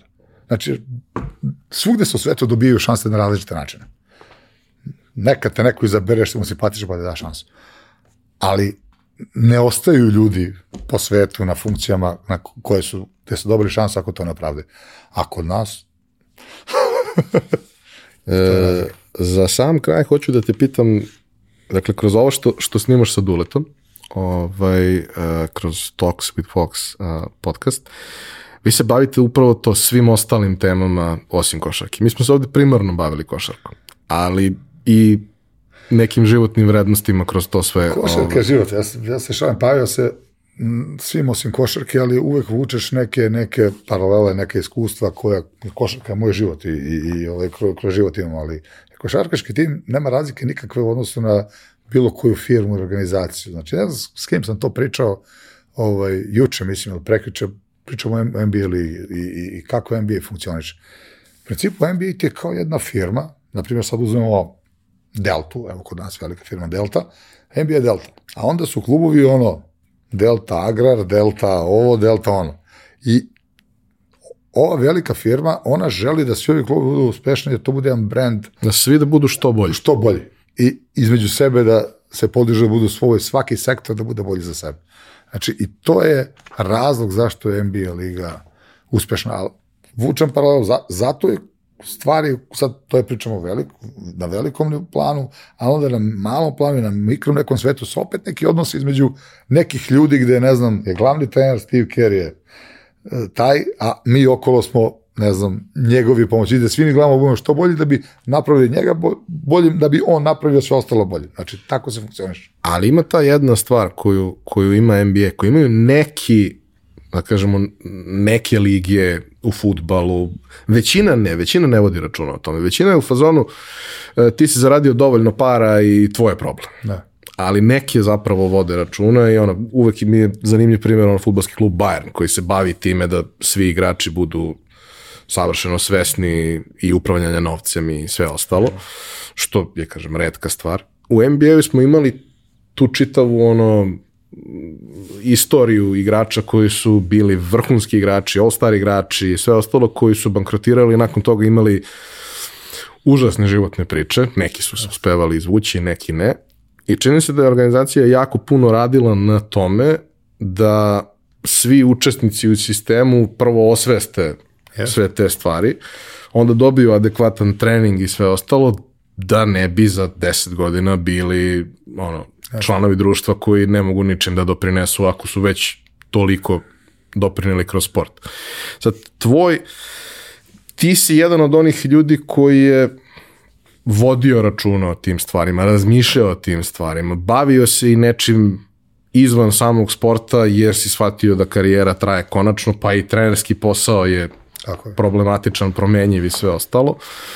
E, nećemo, neću previše vremena ti oduzimam, ali hoću da te pitam šta bi negde savjetovao svakome ko je u poziciji u kojoj si ti bio u nekim svojim zrelim godinama. Znači, stekao si neki kapital, ne znaš šta ćeš da radiš dalje, kako prosto treba razmišljati, kako, kako si ti se Prvo vodio. mislim, prvo mislim da, da dok igrači igraju, ne treba da investiraju, bog zna koliko. Znači, ima tačno, postoje fondovi ovaj, koji, koji mogu da ti sačuvaju propadanje novca i da malo zaradiš, znači, to ono, uložiš, ne znam, u S&P 500, 500 američkih kompanija najvećih na, na, na ovaj, i oni u proseku u posljednjih, ne znam, 100 godina 10% godišnje skaču i sada inflacija da jede, ali ti si uvek u nekom blagom plusu, nisu ti propale, nisu ti propale pare i do momenta dok ne završiš karijeru. E onda trebaš, naravno, prvo se edukuješ, ali prvo mora shvatiš da te pare koje si ti zarađivao, da se one kroz poslove tako lako ne zarađuju. I da moraš da e, nađeš model investiranja gde ne ono avioni, kamioni, u principu ljudi su ovaj gramzivi i Dobro, navikli su na neki standard koji više ne mogu sebe da priušte. Da, ali ne, ne govorim samo o tome, ne, ne, ne kažem da su ljudi gramzivi, nego go- govorim inače, znači, kada ti dođu savjetnici i onda kad ti neko savjetuje, znaš, kao kaže ti, deke, zaradit ćeš, ne znam, 10%, ali ćeš da, ne znam, 5% će da te inflacija pojede ili 3, pa će u stvari to biti 5%, pa to ne izgleda super atraktivno tako. A onda ti dođe neki sa strane kaže, vidi, znači mi ćemo tu 30-50%, ovo ono, to je sigurno, to, i onda oni ulože previše novca da bi zaradili te silne procente i ne znam šta i to se u velikom velikoj većini slučajeva završi, tako da i ja, iskrisli su problemi i ne može ovo oni mnogi... Čak i da prođe jednom, dva put, u jednom trenutku neće proći i to će biti katastrofa. Tako je. I dugoročno, znači u principu, šta, šta je moj savjet? Znači da uh, tokom karijere da se in- investira naravno preko ljudi koji, koji to znaju, da se samo sačuva kapital, da se da, da ne gubi vrednost, a onda da vidite odnosno koja su vaše interesovanja, šta kako, da krenete da radite neke stvari koje vam će vam davati znači određeni profit koji nije nerealan. Jer imate mnogo poslova koje mogu da se rade. Znači, neko sad ovo popularno da se građevina kod nas, znači mnogi rade i, do, i to je realno jedan od sigurnijih načina investiranja jer uh, ako imaš dovoljno novca da napraviš zgradu ili šta god, šta god se desi, tebi ostaju stanovi. Znači, ako padne cena, nećeš izgubiti sve. Tako da, da, to je, to je dobra priča, ali to ne mogu mnogi ljudi da rade, da bi ti napravio zgradu, to treba mnogo novca i to može da uradi e, 1% uspešnih sportista. Znači, a 99% nema dovoljno novca da napravi ovaj, zgradu koja, koja košta par miliona da se napravi. Znači, nema tih ljudi, ne znam koliko, koji mogu da daju milione da naprave zgradu. Znači, e, mora da se shvati tada da se, naravno, prohtevi smanje, da se dugoročni planovi naprave, dugoročnu investiciju i da se diversifikuje. Ja stalno pričam o toj diversifikaciji, tu sam dosadan ljudima, znači ne smeju da ti budu sve pare na jednom mestu, nego 3, 4, 5 manjih poslova je meni uvek bolji savet nego jedan veliki posao, da je veliki poslovi nose veliku nervozu i veliki rizik.